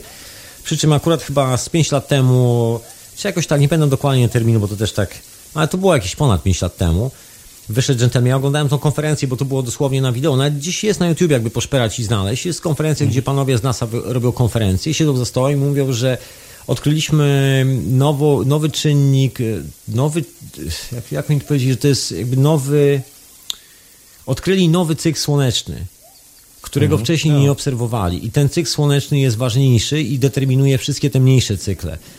Generalnie konkluzja była taka, że panowie usiedli za stołem i powiedzieli, do tego momentu myśleliśmy, że wiemy coś na temat Słońca i znamy jego cykle. Właśnie się okazało, że nie wiemy nic na ten temat. Się okazuje, że za tym głównym cyklem są schowane o wiele ważniejsze, które są o wiele dłuższe i właściwie dopiero w tym momencie zauważyliśmy, że one istnieją i nic nie wiemy na ich mhm. temat. Wiesz co, taka nowa, nowa myśl mi się pojawi, y, pojawiła skojarzeniowo y, logiczna może, że wiesz, skoro y, teoretycznie układ planetarny jest e, i wszystkie ciała, które w nim e, sobie żyją, w cudzysłowie, są zależne jedno od drugiego, no to podejrzewam, że ruch, załóżmy, orbita Ziemi, orbita, klimat i tak dalej Ziemi, to jest normalne, jest zależne od Słońca. może tak jak mówisz, że ten cykl, który odkryto parę lat temu, może mieć zdecydowanie wpływ na to, co się dzieje obecnie teraz. Czyli jakieś mhm. trzęsienia mm -hmm. ziemi, coś się dzieje ze słońcem, tak? Ocieplenie klimatu, tam ocieplenie i tak dalej. No. Wiesz co, tam jest trochę inna historia. To jest, nie wiem, czy mówiłem też o tym, że cykl słońca jest tylko częścią tego wszystkiego. To nie jest tak, że oglądając się na słońce jesteś w stanie zaplanować wszystko. Że no słońce tak, jest no takim no deterministycznym no punktem. Mhm. Się okazuje, że energia idzie z zewnątrz do układu słonecznego naszego. Nie ze Słońca, tylko z zewnątrz, spoza układu. To jest w ogóle ciekawostka. I to była słynna ta koncepcja wiatru fotonowego, która się pojawiła w, na początku lat 90. Bardzo mhm. mocna koncepcja, która do tej pory, no myślę, jest jedną z takich ciekawszych rzeczy w nauce. Wiesz, to można to nazwać polem plazmy, polem fotonowym, cokolwiek. Ale no nie jest wiadomo o co chodzi, jest to po prostu chmura energii. I tam już panowie postulowali, że dosyć mocno na podstawie obserwacji astronomicznych, badań satelitów, że to, co determinuje wszelkie zmiany w naszym układzie słonecznym, łącznie z tymi heksagonalnymi chmurami na Saturnie, na biegunach Saturna, to nie jest coś, co idzie, to nie jest coś, co idzie od Słońca, to jest coś, co idzie z drugiej strony. Zresztą panowie dali bardzo mocny dowód na to, pokazując wszystkie, pokazując zdjęcia z tych satelit typu Voyager i tak dalej, i tak dalej, które są nieustannie zbierane. Tam są po prostu kamery, które rejestrują temperatury planet. I się okazuje, mhm. że temperatury planet rosną od zewnątrz, a nie od wewnątrz. Czyli coś, co podgrzewa, zaczęło podgrzewać nasz układ słoneczny, nie podgrzewa go od strony Słońca, tylko podgrzewa mhm. go od zupełnie innego kierunku, czyli z zewnątrz. Czyli właściwie to my jesteśmy w tym garku, który jest podgrzewany, a nie, a nie ten garnek stoi przed nami w postaci Słońca. I plamy słoneczne, jakby cała interakcja kosmosu jest bardzo mocno ze sobą związana. Właściwie czas reakcji jest tak zwany zero delay time, a właściwie nawet jeszcze wcześniej się okazuje, że ruchy tektoniczne, ruchy w jonosferze, ruchy na wielu innych planetach, w ogóle wiesz, to co się dzieje w całym naszym Układzie Słonecznym, mm -hmm. dzieje się wcześniej, minimalnie wcześniej niż dzieje się to na Słońcu. To też jest dosyć ciekawe. To o tym co nie wziąłem, wiesz, no. Nawet, Albo dzieje się dokładnie w tym samym momencie na y, przykład. Tę rozmowę bardzo mi trudno przenieść w sferę teorii, tak, bo to jest jak dla mnie jeszcze taka totalna fantastyka z racji tego, że no, mało wiemy na ten temat. No, można sobie fajnie o tym tak porozmawiać. Znaczy wiesz, wiemy na, na tyle, znaczy wiesz, czy wiemy dużo, czy mało. Wiemy na pewno sporo, bo jest sporo prac naukowych zebranych przez ostatnie, no nie wiem, 30 lat na ten temat i do takich prac naukowych astrofizyków, astronomów i te wszystkie rzeczy były zaganiane gdzieś tam pod dywan, bo to się nigdy nie zgadzało z taką ogólną teorią, taką, że wiesz, ewolucja od małpy do człowieka i no w tak, ogóle tak, od, tak. wszystko mhm. od wybuchu słońca, supernowa i tak dalej. To się nigdy nie zgadzało i zawsze to są teorie, które parkują gdzieś na dalekich obrzeżach. Wiesz, są bardzo poważni ludzie, którzy to robią, te opracowania naukowe, bo to nie są teoretycy, którzy siedzą na uniwersytetach i wiesz, zdobywają kolejne granty, tylko są to ludzie, którzy siedzą w laboratoriach i naprawdę robią te badania i to stamtąd wychodzi. To jest, problem jest tylko jeden, z przełożeniem tego, co nawet jest w tej oficjalnej nauce zauważalne gdzieś na jej obrzeżach, na, z przełożeniem tego na uniwersytety. To jest po prostu fizycznie niemożliwe. Szybciej takiego kolesia się zwolni i zabierze mu wszelkie dofinansowanie i wywali z uniwersytetu, niż e, opublikuje wyniki takich badań. Zresztą dowody No mamy znaczy- nie raz, nie dwa na co dzień. Mhm. Z tego, y, co No wiesz- mi się, przypominają mi się dwie rzeczy. Pierwsze, Wiesz, ja tylko tak dodam, że wiatr fotonowy istnieje, NASA bardzo baczną uwagę zwraca na ten wiatr fotonowy. Każde wystrzelenie satelity, każde wystrzelenie pojazdu w kosmos jest związane właśnie z obserwowaniem e, pozycji tego wiatru fotonowego. Jest to na oficjalnych stronach NASA. Są artykuły na ten temat. Co prawda minęło 30 lat od momentu, kiedy NASA kopnęła się w dupę i przyznała do tego. Teraz już publikuje artykuły, możesz sobie o tym przeczytać. Nie jest to już science fiction. Niemniej, wiesz, dalej w takiej e, mainstreamowej podejściu, takim tym, co nas nauczono w szkole, to to może się wydawać science fiction, no ale to wiesz, zostaliśmy wychowani przez e, taką ciemnotę, że to w ogóle... no tak, i dowodem na to, co mówisz, właśnie jest film ostatnio, który obejrzałem o e, człowieku, który e, wynalazł e, liczby, znaczy e, wynalazł, no opisał w sposób naukowy na Oksfordzie e, liczby pierwsze. E, Film się nazywa chyba Człowiek, który od, e, odnalazł, odszukał nieskończoność, coś ten deseń. To jest on dokładnie, powtarza on tą historię, którą ty powiedziałeś wcześniej, że żeby się wybić w tym świecie naukowym, tak, naprawdę trzeba mieć e, dużo, dużo, dużo szczęścia, bo najczęściej to są ludzie, którzy, no, wiesz, przez całe życie albo przez większość życia nigdzie się nie udzielali. Są, załóżmy, biedni, gdzieś tam pracują w jakichś skromnych stanowiskach i nagle wyskakuje ci z jakąś taki gość, którego nikt nie zna, z przełomową pracą, tak? No i, i te, ci wiesz, ludzie, to zawsze tak jest, bo żeby zrobić tą przełomową pracę, to ty musisz się wyciąć z tego szaleństwa. Przecież nie możesz powtarzać bzdur po Newtonie i Einsteinie, jak ty chcesz zrobić przełomową pracę. To właśnie przełomowe prace biorą No się właśnie. stamtąd, że tam już się Newton i Einstein kończą. Właśnie ty przynosisz nową wiedzę. No ale To widzisz, jest- to, jest standard. Też, to jest takie wkurzające, nie? że e, wkurzające? wszystkie, O, wszystkie te, wkurzające. Wszystkie teorie oparte e, na jednej zasadzie, mianowicie na zasadzie początku i końca, z biegiem lat upadają. Pierwsza, która upadła, była to teoria Darwina. Tak? Drugą teorią, która opadła, była to ewolucja wszechświata. I tutaj są coraz nowsze drzwi i kierunki otwierane teraz. Technologia cache, tak? Zwalniająca ruch, ele ruch elektronów, bo tak sobie ją wyobrażam, tak? Właściwie e, może nie tyle zwalniająca ruch e, elektronów, ile dobierasz się do, dobieramy się do tej najmniejszej cząsteczki od strony neutrona. Neu- e, czegoś, co się nazywa neutron i tym Mhm. neutronem, manipulując mocą neutrona, jego masą, e, możemy sobie stworzyć dowolne, dowolny potencjał elektronów w tym zjawisku i dowolny potencjał atomów w tym zjawisku. Mamy n- nucleo, właściwie tworzymy własne nucleo, bo tak się nazywa, czyli całe to powiązanie, wiesz, jak masz parę elektronów, parę protonów i, i parę neutronów, to jest nu nukleidium. Kurczę, wiesz co, nie gryzłem tego tematu. Dla mnie to jest naprawdę bardzo, bardzo ciężkie, bo y, tak jak mówiłeś, nie, są tacy ludzie, którzy zajmują się naukowo tym po 30 lat, no i sorry, ja amator mam to pojąć. Ale powiem ci lepszy numer, bo teraz... sorry. Ale wiesz, nie musisz tego rozumieć wszystkiego, bo też ani ja od ciebie tego nie wymagam, ani podejrzewam, nikt, nikt ode mnie tego nie wymaga, ani nie wymagajmy tego od siebie. Nie musimy wszystkiego rozumieć, ale jest masa różnych ciekawych rzeczy, bardzo ciekawych e, obserwacji do takich oficjalnych, publicznych w ogóle statementów.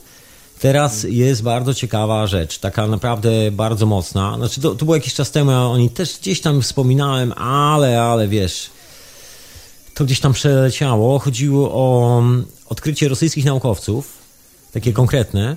A mianowicie panowie wyszli i zrobili konferencję w Szwajcarii. To właśnie szukam teraz linka, zaraz go chyba znajdę. No i jak zrobili konferencję w Szwajcarii, wyszli i powiedzieli, że właśnie dokonali transmutacji i wiedzą jak robić transmutację każdego pierwiastka w każdy. Oficjalnie, normalnie panowie wyszli na konferencji naukowej. Nie wiem, czy powiedzieli wszystko. Zaraz, e, jeżeli znajdę linka, to wrzucę. Jest oficjalnie potwierdzone już naukowo fakt istnienia i w ogóle dokonywania transmutacji każdego materiału w dowolny materiał. Ołowiu w złoto, czegokolwiek, cokolwiek sobie wymyślisz. I to dosłownie była normalna, oficjalna e, konferencja prasowa w Genewie parę chwil temu.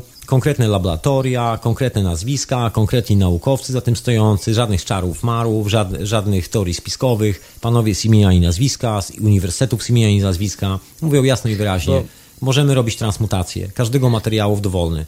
Wiesz co, ale czy, jak, czy dobrze rozumiem, skoryguj mnie.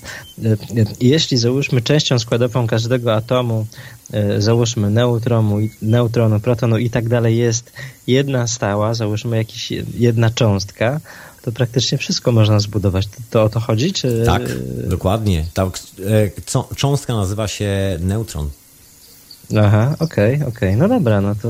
Jak się okazuje, bo my cały Jestem czas byliśmy... Za, bo cały czas nauka, no, no, tak, no nie chcę mówić dlaczego, to chyba wszyscy, wszyscy to obecni, ty słuchaczku i ty słuchaczku i ty mój drogi gościu Krzysztofie i ja wszyscy doskonale wiemy jaka jest nauka. A się okazało, że ten paradygmat z atomem to był taki bullshit, że tą, tą jednostką, tym czymś, co w tej całej e, historii odgrywa największą rolę, tam gdzie jest zakodowana informacja, tam gdzie ten centrum tego wszystkiego to jest neutron, a nie atom, się mm -hmm. okazało. Czyli zupełnie jakby przesunięcie. To jest te powłoki neutronowe, które obserwujemy dookoła atomu, to właśnie to one go, go tworzą. To nie jest odwrotnie. To nie jest tak, że atom tworzy te powłoki neutronowe. I tego mm. dotyczy właśnie praca owych e, Rosjan. E, pięknie to jest opisane, tak, tak wiesz, bardzo delikatnie, bo tam panowie nie chcą podać wszystkich informacji, no normalne.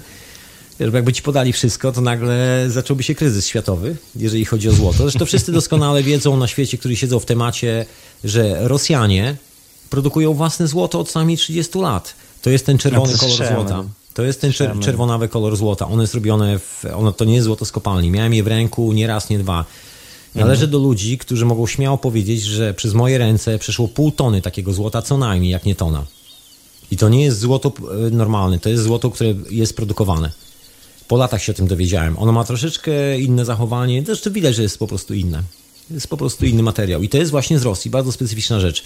Amerykanie produkują swoje własne złoto, też o tym wiemy, też mają swój patent, dlatego właśnie rozliczają się w ropie, a nie w złocie, bo wiadomo, że boją się tego, że ktoś wpadnie na ten sam pomysł, naprodukuje dużo złota i wtedy padną. A wiadomo, że zadzierać z armią amerykańską w Iraku oraz instalacjami naftowymi jest ciężej niż wyprodukować sobie złoto.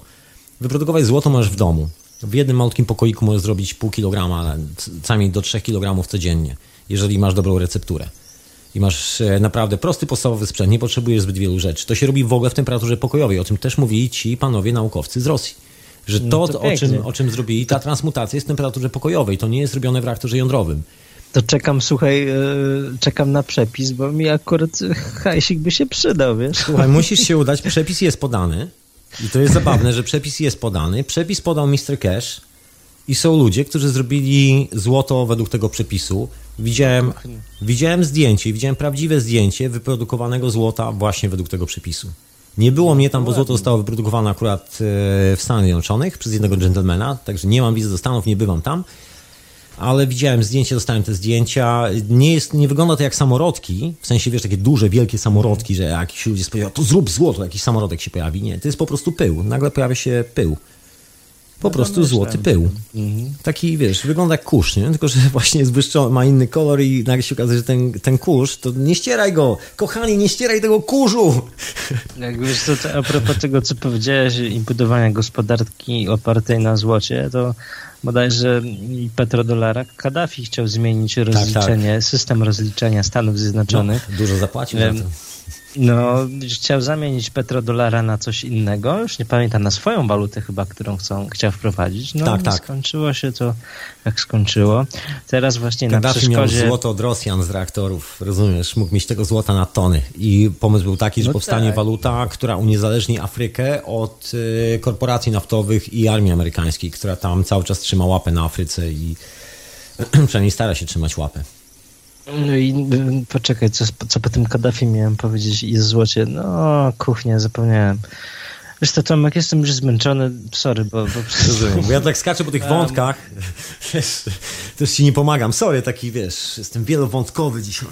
Ale to bywa. No, rozumiem. Yy, poczekaj, miałem powiedzieć o Kaddafi, o złocie, powiedziałem... Yy, nie pamiętam o co tam chodziło. No ja, dobra, słuchaj. Co, ja tymczasem, y, ale tak czy siak mi pomogłeś człowieku, bo ja sobie znalazłem teraz linka na temat właśnie tej historii z Rosjanami. Także już wklejam, y, wklejam linka. Mhm. To chyba było w Szwajcarii, zdaje się. Albo w Austrii, nie wiem, ktoś mnie poprawia, Michał mnie poprawia na czacie, być może z tego co... I don't know. Tam proszę się zanurzyć w artykuł, bo jak prowadzę audycję na żywca, mogę czasami coś pomylić, coś przejęzyczyć, ale jest artykuł, można sobie sprawdzić. Tytuł brzmi Russian scientist just revealed the most powerful discovery in the history of the mankind. No i to Dobra, prawda. słuchaj, ja będę się rozłączał, bo naprawdę już nie mam siły, gorączka mnie łupie, idę Słuchaj, coś obejrzeć. Słuchaj, e, zostań przy radiu i le, lepiej nic nie ogląda i lepiej po prostu złap zapera Janka i tyle. A, zapomniałem o tym. Złap za tego zapera, on naprawdę wy, wybija katar szybciutko. Wszystkie takie przeziębienia. Wiem, bo korzystałem przez, przez parę lat. Teraz korzystam z technologii cache, ale myślę, że niedługo cały świat będzie z tego korzystał. Przynajmniej ten, który będzie chciał. Ostatnio przepaliłem swoją lampę plazmową, bo podłączyłem do niej e, zamiast 6 V 12, podziałała dwie godziny. dam ci całe tips. mieszkanie. Dam, Nagle patrzę, kurczę, coś się dymi. Nie, to chyba nowa bateria, którą wsadziłem do laptopa. Coś się pali, coś się śmierdzi, coś śmierdzi. Człowieku, patrzę, wiesz, laptopa odłączyłem szybko od prądu, bo myślałem, że to nowa bateria, którą wsadziłem godzinę temu. Nie, a tu, wiesz, plazma, która stała ode mnie 30 centymetrów, zaczęła się hajcować. Słuchaj, dam ci takiego tipsa i dla każdego miłośnika plazmowych lamp. Kup sobie troszeczkę większą lampę, taką, która jest na zasilaczu do gniazdka, nie taką na USB, tylko większą. One są jakieś 8 cali, średn- jakoś tak. Te większe. No właśnie taką miałem, nie? Aha, no ale taką z zasilaczem do gniazdka. Tak, tak, tak. O, czasami te chińskie lampy lubią się spalić, mi też się raz zjerała, ale No y, właśnie, one to są na są- 12 V. Kup sobie taką na 12 V DC Mhm. i jeżeli masz prostownik w domu, to podkręć te 12 V do 17 V. Mhm. Polecam. No dobra, też słyszałem, że to ciekawe działa. no. Ciekawie działa. Jak masz jeszcze taki lepszy prostownik, znaczy taki, który ma większy zakres, do 30 paru V, tylko że no, lampa w pewnym momencie może strzelić. Ja tak spuściłem parę lamp, e, wysłałem e, do, wiesz, do krainy niebytu. Na ale efekty są niezłe, ale efekty są niezłe przy takim podkręcaniu. Wiesz, jak lubi No się dobra, poczekać słuchaj, to życzę Ci mm, owocnego wieczoru, tak, kolejnego rozmówcy i ciekawych tematów na, na przyszłość. Dzięki wielkie. No, ja dziękuję za telefon serdecznie i tam się kuruj człowieku. Kuruj się koniecznie. Żeby mi żadnych chorych ludzi nie było na tej planecie. No, będę zdrowiał dzisiaj z energią No. kosmosu. Bardzo dobrze, bardzo dobrze. Dzięki za telefon, trzymaj się. No właśnie, to był słuchacz i widzisz człowieku, wielu z nas y, i ty słuchaczko też może zaobserwować jakieś zmiany dookoła się. Ja myślę, że każdy z nas zaobserwował jakieś zmiany i to takie, wiesz, poza zmianami towarzyskimi, że tu ta para się rozeszła, ta się zeszła albo coś takiego. Mówię o takich konkretnych zmianach związanych wiesz, z otoczeniem dookoła. Ja widzę zmian na niebie, widzę zmianę pogody w Anglii, wręcz permanentną. To ostatnie lata są tu tak gorące jak nigdy wcześniej. Zresztą ten podkład geologiczny, który znajduje się troszeczkę pode mną, jasno i wyraźnie mówi, że tu jest miejsce na pustynię. I taką konkretną pustynię, jak e, tak zwana Dolina Śmierci w, e, w Stanach Zjednoczonych. Widziałem ostatnio dokument o Dolinie Śmierci, tak sobie oglądałem. Ach, zobaczę, zobaczę, w którym kierunku zmierza Anglia. No i faktycznie miejsce spektakularne. Wygląda pięknie, ciężko tam wytrzymać, bo takie dosyć skrajne, ale, ale ciekawie to wygląda, ciekawie. W każdym razie, wracając do tych wszystkich wątków, bo tu muszę nawiązać do swojej serii wynurzeń związanych ze starożytnymi budowlami. To jest dokładnie, przynajmniej tak to wygląda w moich oczach, to jest ta informacja, którą zostawili nam przodkowie. To jest ten zapis, szczególnie u Indian Maya, mówiący o powtarzających się cyklach, które właściwie zmazują każdą cywilizację, w sensie jej ślady, bytność z planety i, i robi się miejsce na nową cywilizację. To jest taki globalny ruch przemieszczania się wszystkich planet.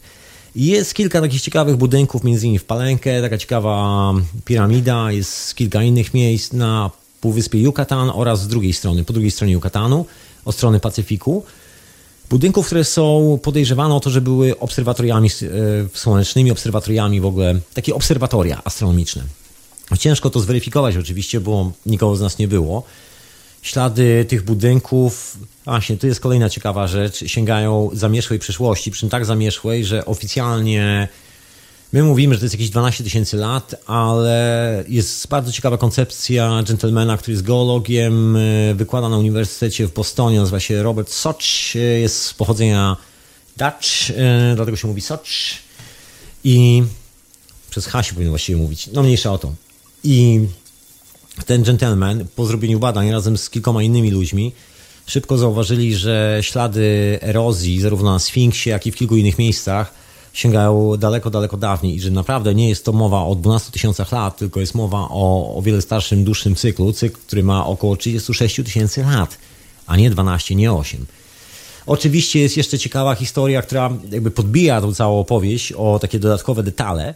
To są takie drobne części tego cyklu, czyli wybuchy wielkich wulkanów. Jest taki piękny, potężny wulkan, y, nazywa się.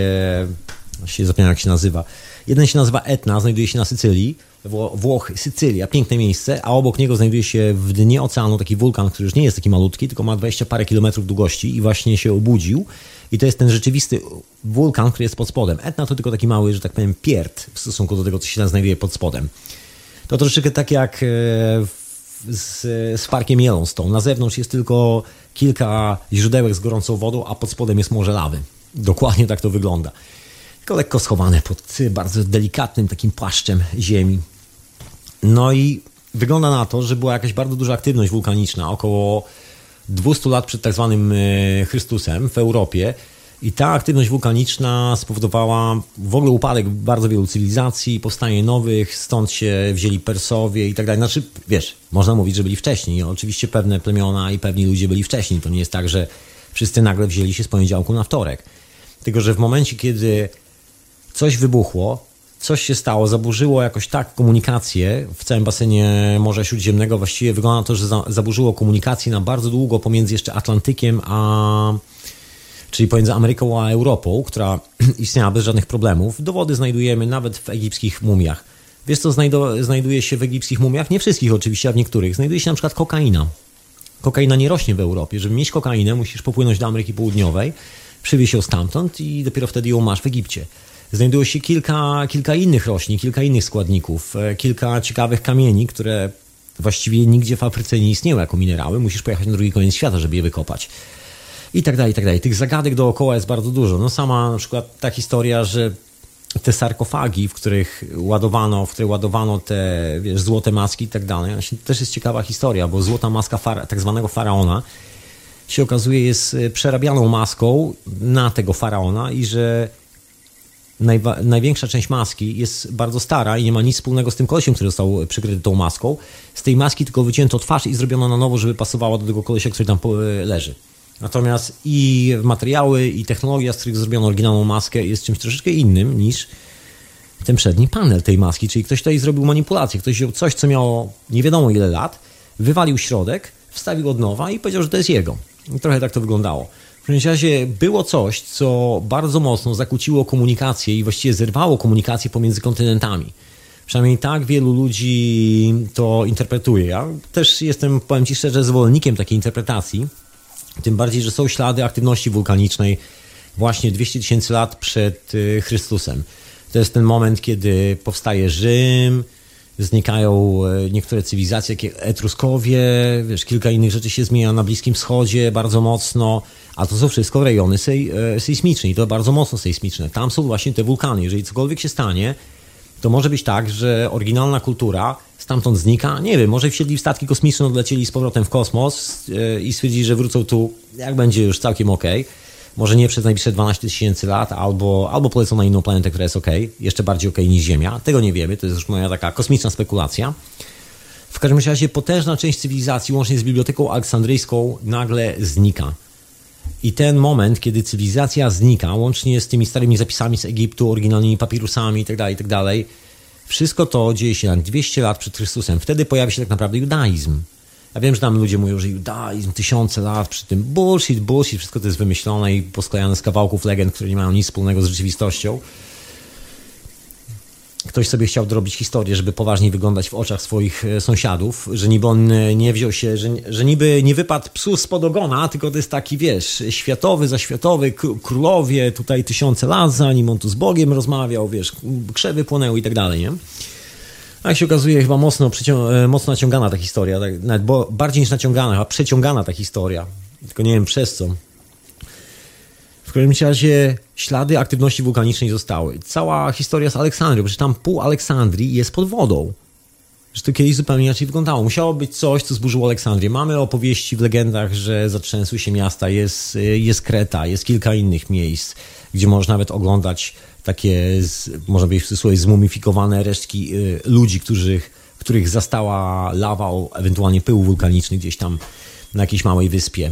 I wszyscy zamarli w tych oryginalnych pozach, w których tam byli.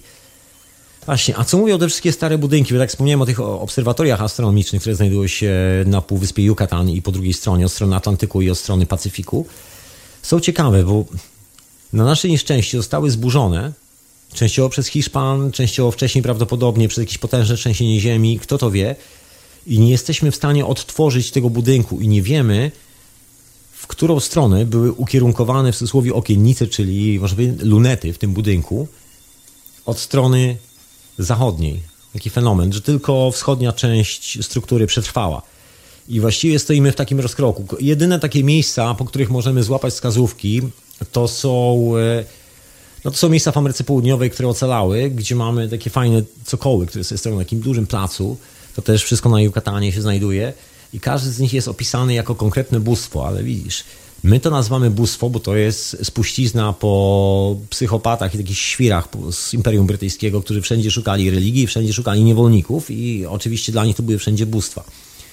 Natomiast tu sprawa wygląda trochę inaczej. To nie jest żadne bóstwo, co najwyżej jest to reprezentacja pewnych sił w naturze. Oczywiście, jeżeli zgubiejemy do reszty, to nazwiemy te siły bóstwami. No, możesz nazwać wiatr Bogiem, możesz nazwać górę Bogiem. Słuchaj, ludzie w pewnym momencie w, w Arabii tak zwanej, na Półwyspie Arabskim, zaczęli się modlić do ognia. Wiesz, była góra, która miała jakiś tam wulkan i cały czas ten ogień się wydobywał z tej góry. Ktoś stwierdził, że to jest bóstwo i tak powstał zaratustianizm, tak powstała podstawa monoteistycznych religii, że to jest wieczny ogień, wieczny Bóg, który spala wszystko, czy jakoś tak. Wszystkie te szaleństwa. Bo ktoś nie wiedział skąd się bierze ogień, że tam są potężne złoża samoprodukujące się gazu pod spodem i że drobna iskierka i ten płomyk tam sobie stoi i tak stoi przez setki, tysiące lat się cały czas pali i nigdy nie zgaśnie. Jest kilka takich przypadków znanych doskonale firmom naftowych. Po zamknięciu albo otworzeniu szybu naftowego była eksplozja, wybuchło, coś się zapaliło, efekt był taki, wszystko wyleciało w powietrze, a szybu do tej pory nie można zagasić i on właściwie cały czas się lekko tam pali. W Rosji jest taki słynny szyb, którego do tej pory nie można zgasić, bo sięga tak głęboko, że jest ryzyko, że no właśnie, ani, ani może tam zrobić wybuchem, jakby implozją zagasić tego płomienia, ani nic, bo chłopcy się przekopali prawie, że do poziomu lawy pod wulkanem. I cały czas jest ogień, i cały czas jest gorąco z tej dziury, i nikt nie wie, jak to zatrzymać. Po prostu jest. I wszyscy czekają, a nóż się samo jakoś poskłada. Tylko, że w dzisiejszych czasach nikt nie szuka tam Boga, natomiast w czasach zaratustrianizmu od razu ktoś stwierdził, że ten e, kawałek ognia jest Bogiem i tak oto okłamano ludzi, zamiast po, nauczyć ich o czym, czym jest gaz, jak wykorzystać gaz, jak można sobie wyprodukować gaz. Ktoś powiedział, że nie, nie, nie, gazu to raczej nie rób, e, lepiej zbierz swoje wszystkie dobra, przynieś do mnie, a jak będziesz miał ładne córki, to też przynieś do mnie, chętnie się z nimi prześpię, a jak będziesz miał... E, synów, którzy są duży, duzi, wiesz, i robotni, to zrobię z nich niewolników i będą dla mnie pracować. I tak się skończyła cała ta zabawa. Wiesz, prosta koncepcja, jak zamienić wiedzę na niewolnictwo. I do tej pory to trwa o nazwie Watykan. Zresztą Watykan słynie z tego, że co jakiś czas wypuszcza takich cwaniaków, którzy tam niby są takimi outsiderami, wiesz, klimuszko i cała ta reszta hołoty. Bo to inaczej nazwać nie można. No może to byli mili ludzie, ale kawał hołoty żeby pracować dla tej korporacji, wiedząc co oni robią, to trzeba naprawdę, to trzeba mieć, e, no nie wiem, moim zdaniem mentalność gestapowca, bo to inaczej się nie da. Jeżeli jesteś świadomy, że pracujesz dla korporacji, która żyje ze sprzedaży, ze sprzedaży ludzkiego towaru i mowa jest o sześcioletnich dzieciach i na tym robią karierę, na sprzedaży broni, handlu, ludźmi, mordowaniu tych ludzi, wzbudzaniu wojen, nienawiści i zawiści po to, żeby zarobić kasę, no to musisz być chory. To, to nie jest dla normalnych ludzi. To, żeby zrobić karierę w takiej korporacji, to musisz być niezłym skurwesynem, inaczej się nie da. Innych się nie dopuszcza. I ci ludzie, te cwaniaki z korporacji Watykan, wystawiają co jakiś czas właśnie takich outsiderów, którzy niby tam, wiesz, nie do końca poprawni i tak dalej. Chodzi o to, żeby ich uwiarygodnić w twoich oczach. On musi być wiarygodny, on nie może się zgadzać z pełną doktryną, bo ty jeszcze odkryjesz, że ta doktryna jest gównowarta i wtedy będzie problem. A ty musisz mu wierzyć, więc jedyną metodą uwiarygodnienia tego kolesia jest zrobienie z niego outsidera. Taki, że niby Kościół właściwie w ogóle go nie popiera, ale nigdy nie odbierze mu święceń kapłańskich, także on oficjalnie dalej jest księdzem. I on sobie opowiada różne bajki, na przykład tak jak Klimuszko opowiada, że tu będzie to, tu będzie tamto. Skąd Klimuszko i tacy kolesie wiedzy, wiedzieli, że na przykład klimat się ociepli? Ponieważ Watykan naprawdę do idiotów nie należy. Jest to stara korporacja, która doskonale wie, że musi być do przodu parę kroków przed tobą i zanim wydarzy się zaćmienie słońca, to oni muszą mieć te zaćmienie słońca spisane przez Keplera na tej kartce papieru, kiedy ono będzie, bo oni na tydzień przed tym zaćmieniem słońca zaczynają swoje modły i będą cię wkręcali w to, że to ich Bóg odpowiada za to zaćmienie słońca. Wiesz o co chodzi? Stary numer. Mój Bóg się gniewa na ciebie, synu. Przynieś mi swoje wszystkie pieniądze i swoje dziewice. Dokładnie. Cały czas ta sama zabawa. Także oni cały czas starają się za pomocą tych outsiderów być trochę do przodu, bo wiesz, wtedy się przejmujesz i taki klimuszko też ustawia świat, bo to kolesi, którzy nie mówią takiej pełnej wizji, tylko ustawiają konkretne sprawy. Czyli powie, że będzie ciepło, bo wiadomo, że będzie ciepło. Wszyscy o tym wiedzą, bo mówią o tym wszystkie przepowiednie. Widać, tak, masz obserwatoria astronomiczne, masz dostęp do placówek badawczych, to widzisz, co się dzieje, widzisz, w którym kierunku idzie ta droga. Że albo idzie pod górę, albo idzie w dół. No to wychodzi taki koleś, ale nie mówisz tego ludziom i mówi, droga będzie szła pod górę. A później będzie wielka wojna. Tej wojny nigdy nie będzie, bo ta wojna jest zaprojektowana przez Watykan. To jest taka próba włożenia ci po prostu interesu wiesz, że powiemy coś, co jest prawdą, a oprócz tego dołożymy ci kawałek własnej interpretacji rzeczywistości, może się nabierzesz, zostaniesz takim frajerem, złapiesz za karabin, dasz, zabijesz sąsiada, a sąsiad zabije ciebie, wiesz. Będzie fajna wojenka. My sobie tu poczekamy w Watykanie albo gdzieś indziej na świecie, pojedziemy na wakacje, wrócimy z wakacji, wojna się skończy, no i wtedy będziesz musiał wziąć od nas potężny dług e, na to, żeby się odbudować, będziesz musiał paść plackiem na kolana, my jeszcze cię błogosławimy, pożyczymy ci, wiesz, sukcesów na nowej drodze życia, zostaniemy właścicielami tej ziemi, e, której właściciele zostali zamordowani podczas wojny. Taki, wiesz, klasyczny biznes as usual. No I to jest taka klasyczna działalność wywrotowa korporacji o nazwie Watykan. Draństwo nieprzeciętne i to jest skręcanie ludzi. Dlatego żaden klimuszko, żaden z tych kolesi nigdy tak naprawdę nie przepowiadał żadnej przyszłości. To byli tylko tacy kolesie wystawieni, do tej pory są tacy kolesie wystawiani. To są wszyscy ci kolesie ze stygmatami i tak dalej. Jeżeli jesteś naukowcem, znającym się na kilku sprawach, które leżą na tak zwanych obrzeżach nauki, takich bardzo mocnych peryferiach. Znasz się na hemoglobinie, znasz się na reakcjach hemoglobiny, na kilku innych rzeczach, na radiacji, pierwiastków we krwi. Zrobienie stygmatów naprawdę nie jest problemem.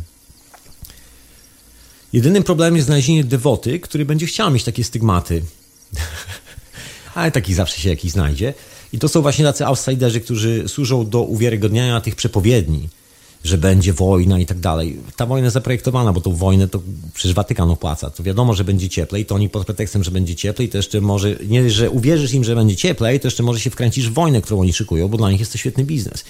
To jest trochę tak, że oni wiedzą, co się wydarzy z pogodą, ale do, do pogody jeszcze dołączają taki swój dodatek, e, suplement, że tak powiem, informacyjny, że jak będzie ładna pogoda, to koniecznie musisz pójść na wojnę.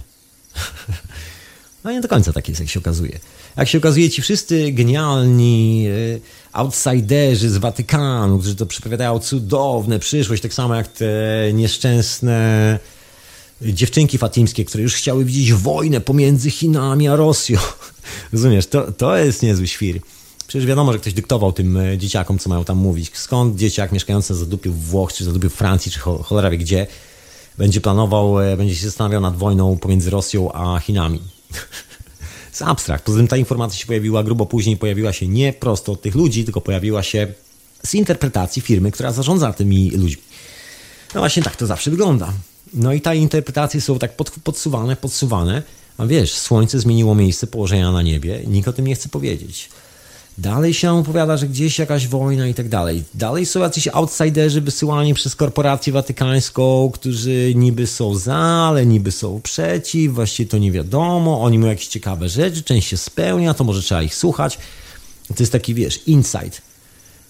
Wstawiona specjalnie taka persona, żeby cię zmanipulować. I mnie zmanipulować. I część ludzi się na to nabiera, na te wszystkie przepowiednie i tak dalej, i tak dalej. To naprawdę nie trzeba wcale, wiesz, no nie wiem, no, słuchać tych fatimskich przepowiedni i tego całego bełkotu. Wystarczy, wystarczy mieć otwartą głowę i oczy we właściwym miejscu, tak jak mają to Inuici. Nie tylko Inuici, bo też Indianie Kogi, dosłownie chyba z 15-20 lat temu powiedzieli, że Ziemia się zmienia, że niebo się zmienia. Oni też kilku innych e, ludzi z kilku innych takich szczepów gdzieś, gdzieś na końcu świata też o tym mówiło już od jakiegoś czasu, że Ziemia się zmienia. Tylko nikt nie chciał ich słuchać oczywiście. Bo wszyscy byli zajęci, nie wiem, czy klimuszko, czy jakimś innym bullshitem, który mi jest wciskany nieustannie. I nikt nie zauważył, że no, Klimuszko nie przewidział internetu, nie przewidział e, ruchów słońca, nie przewidział niczego. Tacy kolesi go przewidują wojny. Mówią, że będzie cieplej i że będzie wojna. Taką przyszłość zawsze dla nas mają. A tu się okazuje, że wystarczy podnieść głowę do góry, jesteś lepszy niż Klimuszko. Bo ty właściwie wiesz, co się wydarzy. Wiesz doskonale, że model klimatyczny jest zupełnie inny. Wiesz, że jest oparty na ruchach płyt tektonicznych. Jest to ruch wykonywany pod ziemią i dopiero on później się manifestuje na zewnątrz, że ten ruch zie w ziemi jest e, nakręcany czymś spoza naszego układu słonecznego. Sama historia z ruchem precesyjnym, który jest bardzo nielubiany przez kręgi e, każdego bóstwa, każdej religii monoteistycznej. Jeżeli się przyjrzysz na każdą monoteistyczną religię, zauważysz jedną rzecz. Ci kolesie nie chcą wspominać o czymś takim jak ruch precesyjny Ziemi. Powód jest prosty. Ten wobbling, czyli to kręcenie się Ziemi, ma tylko je, może mieć i fizycznie od naukowej strony ma tylko jedną przyczynę. Gdzieś w okolicy jest ciało niebieskie, takie samo jak Ziemia, które ma ten sam współczynnik magnetyczny i Ziemia się dostraja do tego ciała. To jest jak dwa magnesy, które kładziesz na stole w odpowiednich odległościach, że się nie przyciągną nawzajem do siebie, ale się ustawią biegunami do siebie. Przez ten moment, kiedy jeden będzie obok drugiego. Jak rozsuniesz, to one z powrotem będą wracały do innego magnetyzmu, inne rzeczy je przyciągną. Ten magnes zareaguje na coś innego. Można głośnik, który stoi dalej, ale w każdym razie ten moment, kiedy te dwa magnesy obok siebie, one się ustawiają według własnej osi. Tylko, że właśnie to jest taka trefna sprawa, bo tutaj sprzedaje się ludziom e, kit o tym, że wiesz, wiecznie na kolanach i że to jest najlepsza cywilizacja i że to polega na zabijaniu, mordowaniu się nawzajem i na kopaniu ropy w ziemi i że to jest, ta, to jest ten genialny pomysł na, na przyszłość. Tak mamy polecieć ponoć w kosmos, tak? A to się okazuje, że rzeczywistość jest zupełnie inna bo mamy brata bliźniaka, który być może jest większy od naszej planety, bo tak to przynajmniej na razie wygląda, jeżeli chodzi o. Jeżeli chcesz zrobić model fizyczny, teoretyczny na magnesach w przestrzeni, no to się okazuje, że ten drugi model, ten drugi e, element, który polaryzuje i ustawia Ziemię, musi być większy od Ziemi. Czyli nasz brat bliźniak jest prawdopodobnie większy od Ziemi. Nie wiem o ile, może półtorej raza, nikt tego do końca nie wie. Albo być może ma mocniejszą magnetyczną strukturę. I don't know, tego jeszcze nie wiemy. Ale wiemy, że jedyny powód, dla którego planeta jest w stanie się tak gibnąć, to jest druga planeta, która jest e, magnesem w stosunku do niej. Czyli ten ruch precesyjny, to, że Ziemia się kręci tak cały czas do, tak w, w takim dziwnym kierunku, wibruje sobie, kręci się jak piłeczka, ale nigdy w e, pośrodku własnej osi, tylko zawsze z odchyleniem, to odchylenie tej osi jest, świadectwo, jest świadectwem istnienia tego drugiego ciała niebieskiego. Tylko widzisz, drugie ciało niebieskie oznacza właśnie braci z kosmosu. Na pewno widziałeś te bardzo popularne ostatnio w internecie, chociażby za sprawą i Klausa Dony, takiego poszukiwacza właśnie takich niewyjaśnionych zagadek, bardzo rzetelny gentleman, jeżeli chodzi o research, polecam serdecznie. I Nasira Harameina, który jest e, taką wschodzącą gwiazdą alternatywnej fizyki mainstreamowej, można powiedzieć. Bardzo lubię gentlemana, jest naprawdę bardzo fajny, ma bardzo ciekawe wnioski, refleksje. Myślę, że wszyscy go doskonale jakby znamy, znamy jego, e, jego wykłady. Nasir Haramein. I ty, ja. Tak, tak, dokładnie ten sam Nasir Haramej. Wystąpił z Klausem Doną w Meksyku na jakiejś konferencji razem wspólnie i właśnie tam zaprezentowali wykopane, znalezione, stare, takie porzeźbione kamyki. Na tych kamykach, słuchaj, są piramidy, na tych kamykach są statki kosmiczne, na tych, yy, na tych kamykach są narysowani ci bracia z kosmosu. Wiesz, wszyscy mamy jakąś energię idącą z czoła. Zresztą przyjrzyj się na egipskie rysunki. Czego to dotyczy? O czym w ogóle jest mowa? Czy to naprawdę jest jakaś historia mówiąca o kolesiach biegających w skórach z, z maczugami w rękach? Czy kogoś tu pogięło? Czy naprawdę współczesny, nie wiem, antropolog, współczesny naukowiec, współczesny ktokolwiek, kto bierze za to pieniądze, czy naprawdę zwariował do reszty? A może po prostu cała ta cywilizacja zwariowała? Słuchaj, wszyscy chodzimy po tej ziemi, a nikt poza kolesiami na dalekiej północy nie zauważył, że słońce się przesunęło i takimi kolesiami jak ja, którzy są, wiesz, swoją drogą pewnymi outsiderami w tej całej sytuacji. Wiesz, no mi nie musisz wierzyć, ale Inuitom to raczej uwierz, bo ci ludzie, ja nie posługuję się gwiazdami, żeby wrócić do domu na konkretną porę. Wiesz, kiedy wędruję przez Londyn, to nie patrzę na kierunek gwiazd, żeby znaleźć swoje mieszkanie na południu tego miasta. Natomiast Inuici, żeby dotrzeć z powrotem do swojej własnej wioski, muszą korzystać z tych gwiazd. I to nawet ja, nie korzystając z tych gwiazd, zauważyłem te różnice. I nie tylko ja, bo kilku moich znajomych też. To, co się dzieje ze światem nauki, to ile warte są teraz wszystkie te teleskopy, Ile warte są wszystkie te obserwatoria astronomiczne? Ile warte jest wykształcenie tych ludzi? Po co to wszystko jest?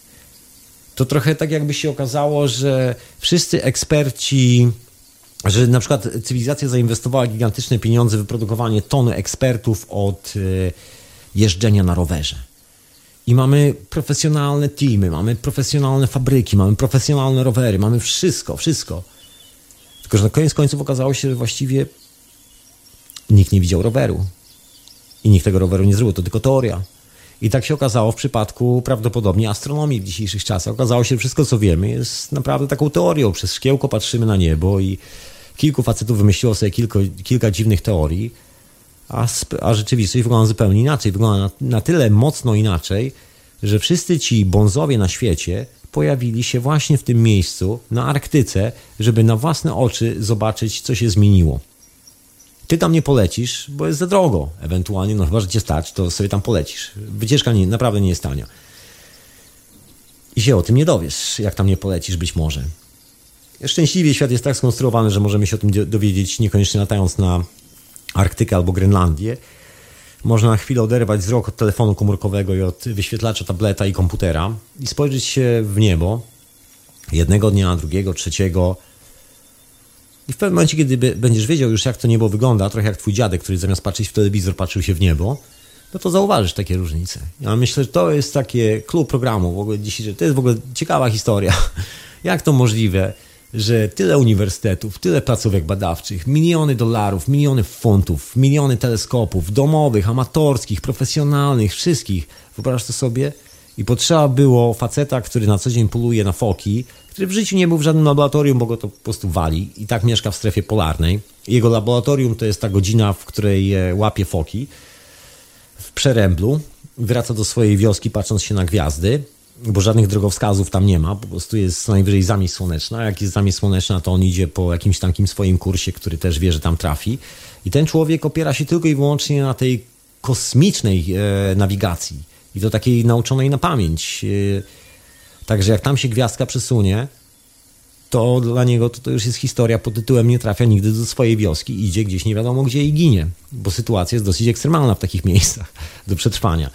Także ten człowiek nie może zawierzać swojego życia na jakichś takich, wiesz, no nie wiadomo czym, co może nie przetrwać do jutra. Ten człowiek musi wiedzieć, e, jak trafić do tej wioski, swojej własnej wioski. Jak się okazuje, tylko ci ludzie, i dzięki tym ludziom właściwie dowiedzieliśmy się tak oficjalnie, że właśnie wszystko się przesuwa na niebie.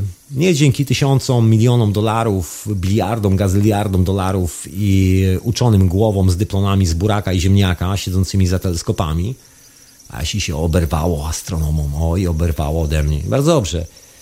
Widzisz, tyle kasy, tyle pieniędzy, tyle czasu zainwestowano, to się po prostu gówno warte. Trzeba było Inuita, który stwierdził, że popatrz, tam zachodziło słońce zawsze, a teraz zachodzi tam. I dopiero wtedy NASA stwierdziło, ok, tak, to jest prawda. Zabawne, prawda? Zabawne. Taka jest nasza cywilizacja. No ale tak jak powiedziałem na początku, należymy do. Przynajmniej mieszkamy w takiej cywilizacji, gdzie jeżeli cokolwiek się stanie, wybuchną wulkany, nagle Ziemia się zatrzęsie, to prawdopodobnie jedną reakcją 80 albo 90% mieszkańców e, tych zurbanizowanych części tego świata będzie taka, będzie po prostu rzucenie jakimś mięsem i cholera, jak ja dojadę do roboty, jak, jak ja zapłacę kredyt. To będzie jedna refleksja na temat, że świat się zmienia. Fenomen. No ja taką jeszcze ostatnią refleksją na, na tą hiperprzestrzeń, jak wrzucę, naprawdę jak tak sobie pomyślę o tych wszystkich obserwatoriach astronomicznych. I oni tam siedzą i sprawdzają i naprawdę i, i Nui z tą włócznią, na którą poluje na te foki, jak się okazało, jest lepszym ekspertem w tej całej dziedzinie. No myślę, że znakomita część uniwersytetów powinna od przyszłego tygodnia wybrać sobie nową nazwę. Proponuję Titanic. Jest taki pięknie pasujący element. Nazwa, która doskonale oddaje charakter współczesnych uczelni, współczesnej nauki, tego, co nam oferuje. Mi, jako obserwatorowi rzeczywistości, który próbuje wyciągnąć z tego jakieś, wnioski, i tobie. Obawiam się, że gdybym zaczął wyciągać wnioski ze współczesnej nauki, skończyłoby się na oglądaniu gazetek e, z paniami które lubią się rozbierać, bo chyba do tego się sprowadza nauka. To jest chyba słynna historia wszędzie, że Hawkins, ten, ten sparaliżowany na wózku, który mówi przez syntezator mowy, jest tak inteligentnym kolesiem i tak lotnym, że stopałem ci z taką historię. Założył się ze swoimi studentami no, jedną sprawę i wiesz, co było nagrodą? Wiesz, co ten koleś wymyślił jako nagrodę? Że zaprenumeruje coś tam chyba na cały rok penthouse'a komuś, czy jakoś tak, czy Playboya. Kumasz to. to. Taki jest poziom intelektualny tak zwanych współczesnych, obwieszczanych przez media geniuszy nauki. Geniusz nauki w nagrodę za coś tam obiecuje ci roczną prenumeratę Penthouse'a albo Playboya. Aha. Ciekawe. Naprawdę, wszyscy powinni zmienić nazwy tych uniwersytetów na Titanic. Przekładanie krzeseł na pokładzie Titanica to jest dokładnie to, na czym się chyba znają najlepiej. Ale ja zostałem ten temat, zostałem Ci refleksję z tym wszystkim. E, znikam z tej hiperprzestrzeni. Usłyszymy się w kolejnym odcinku.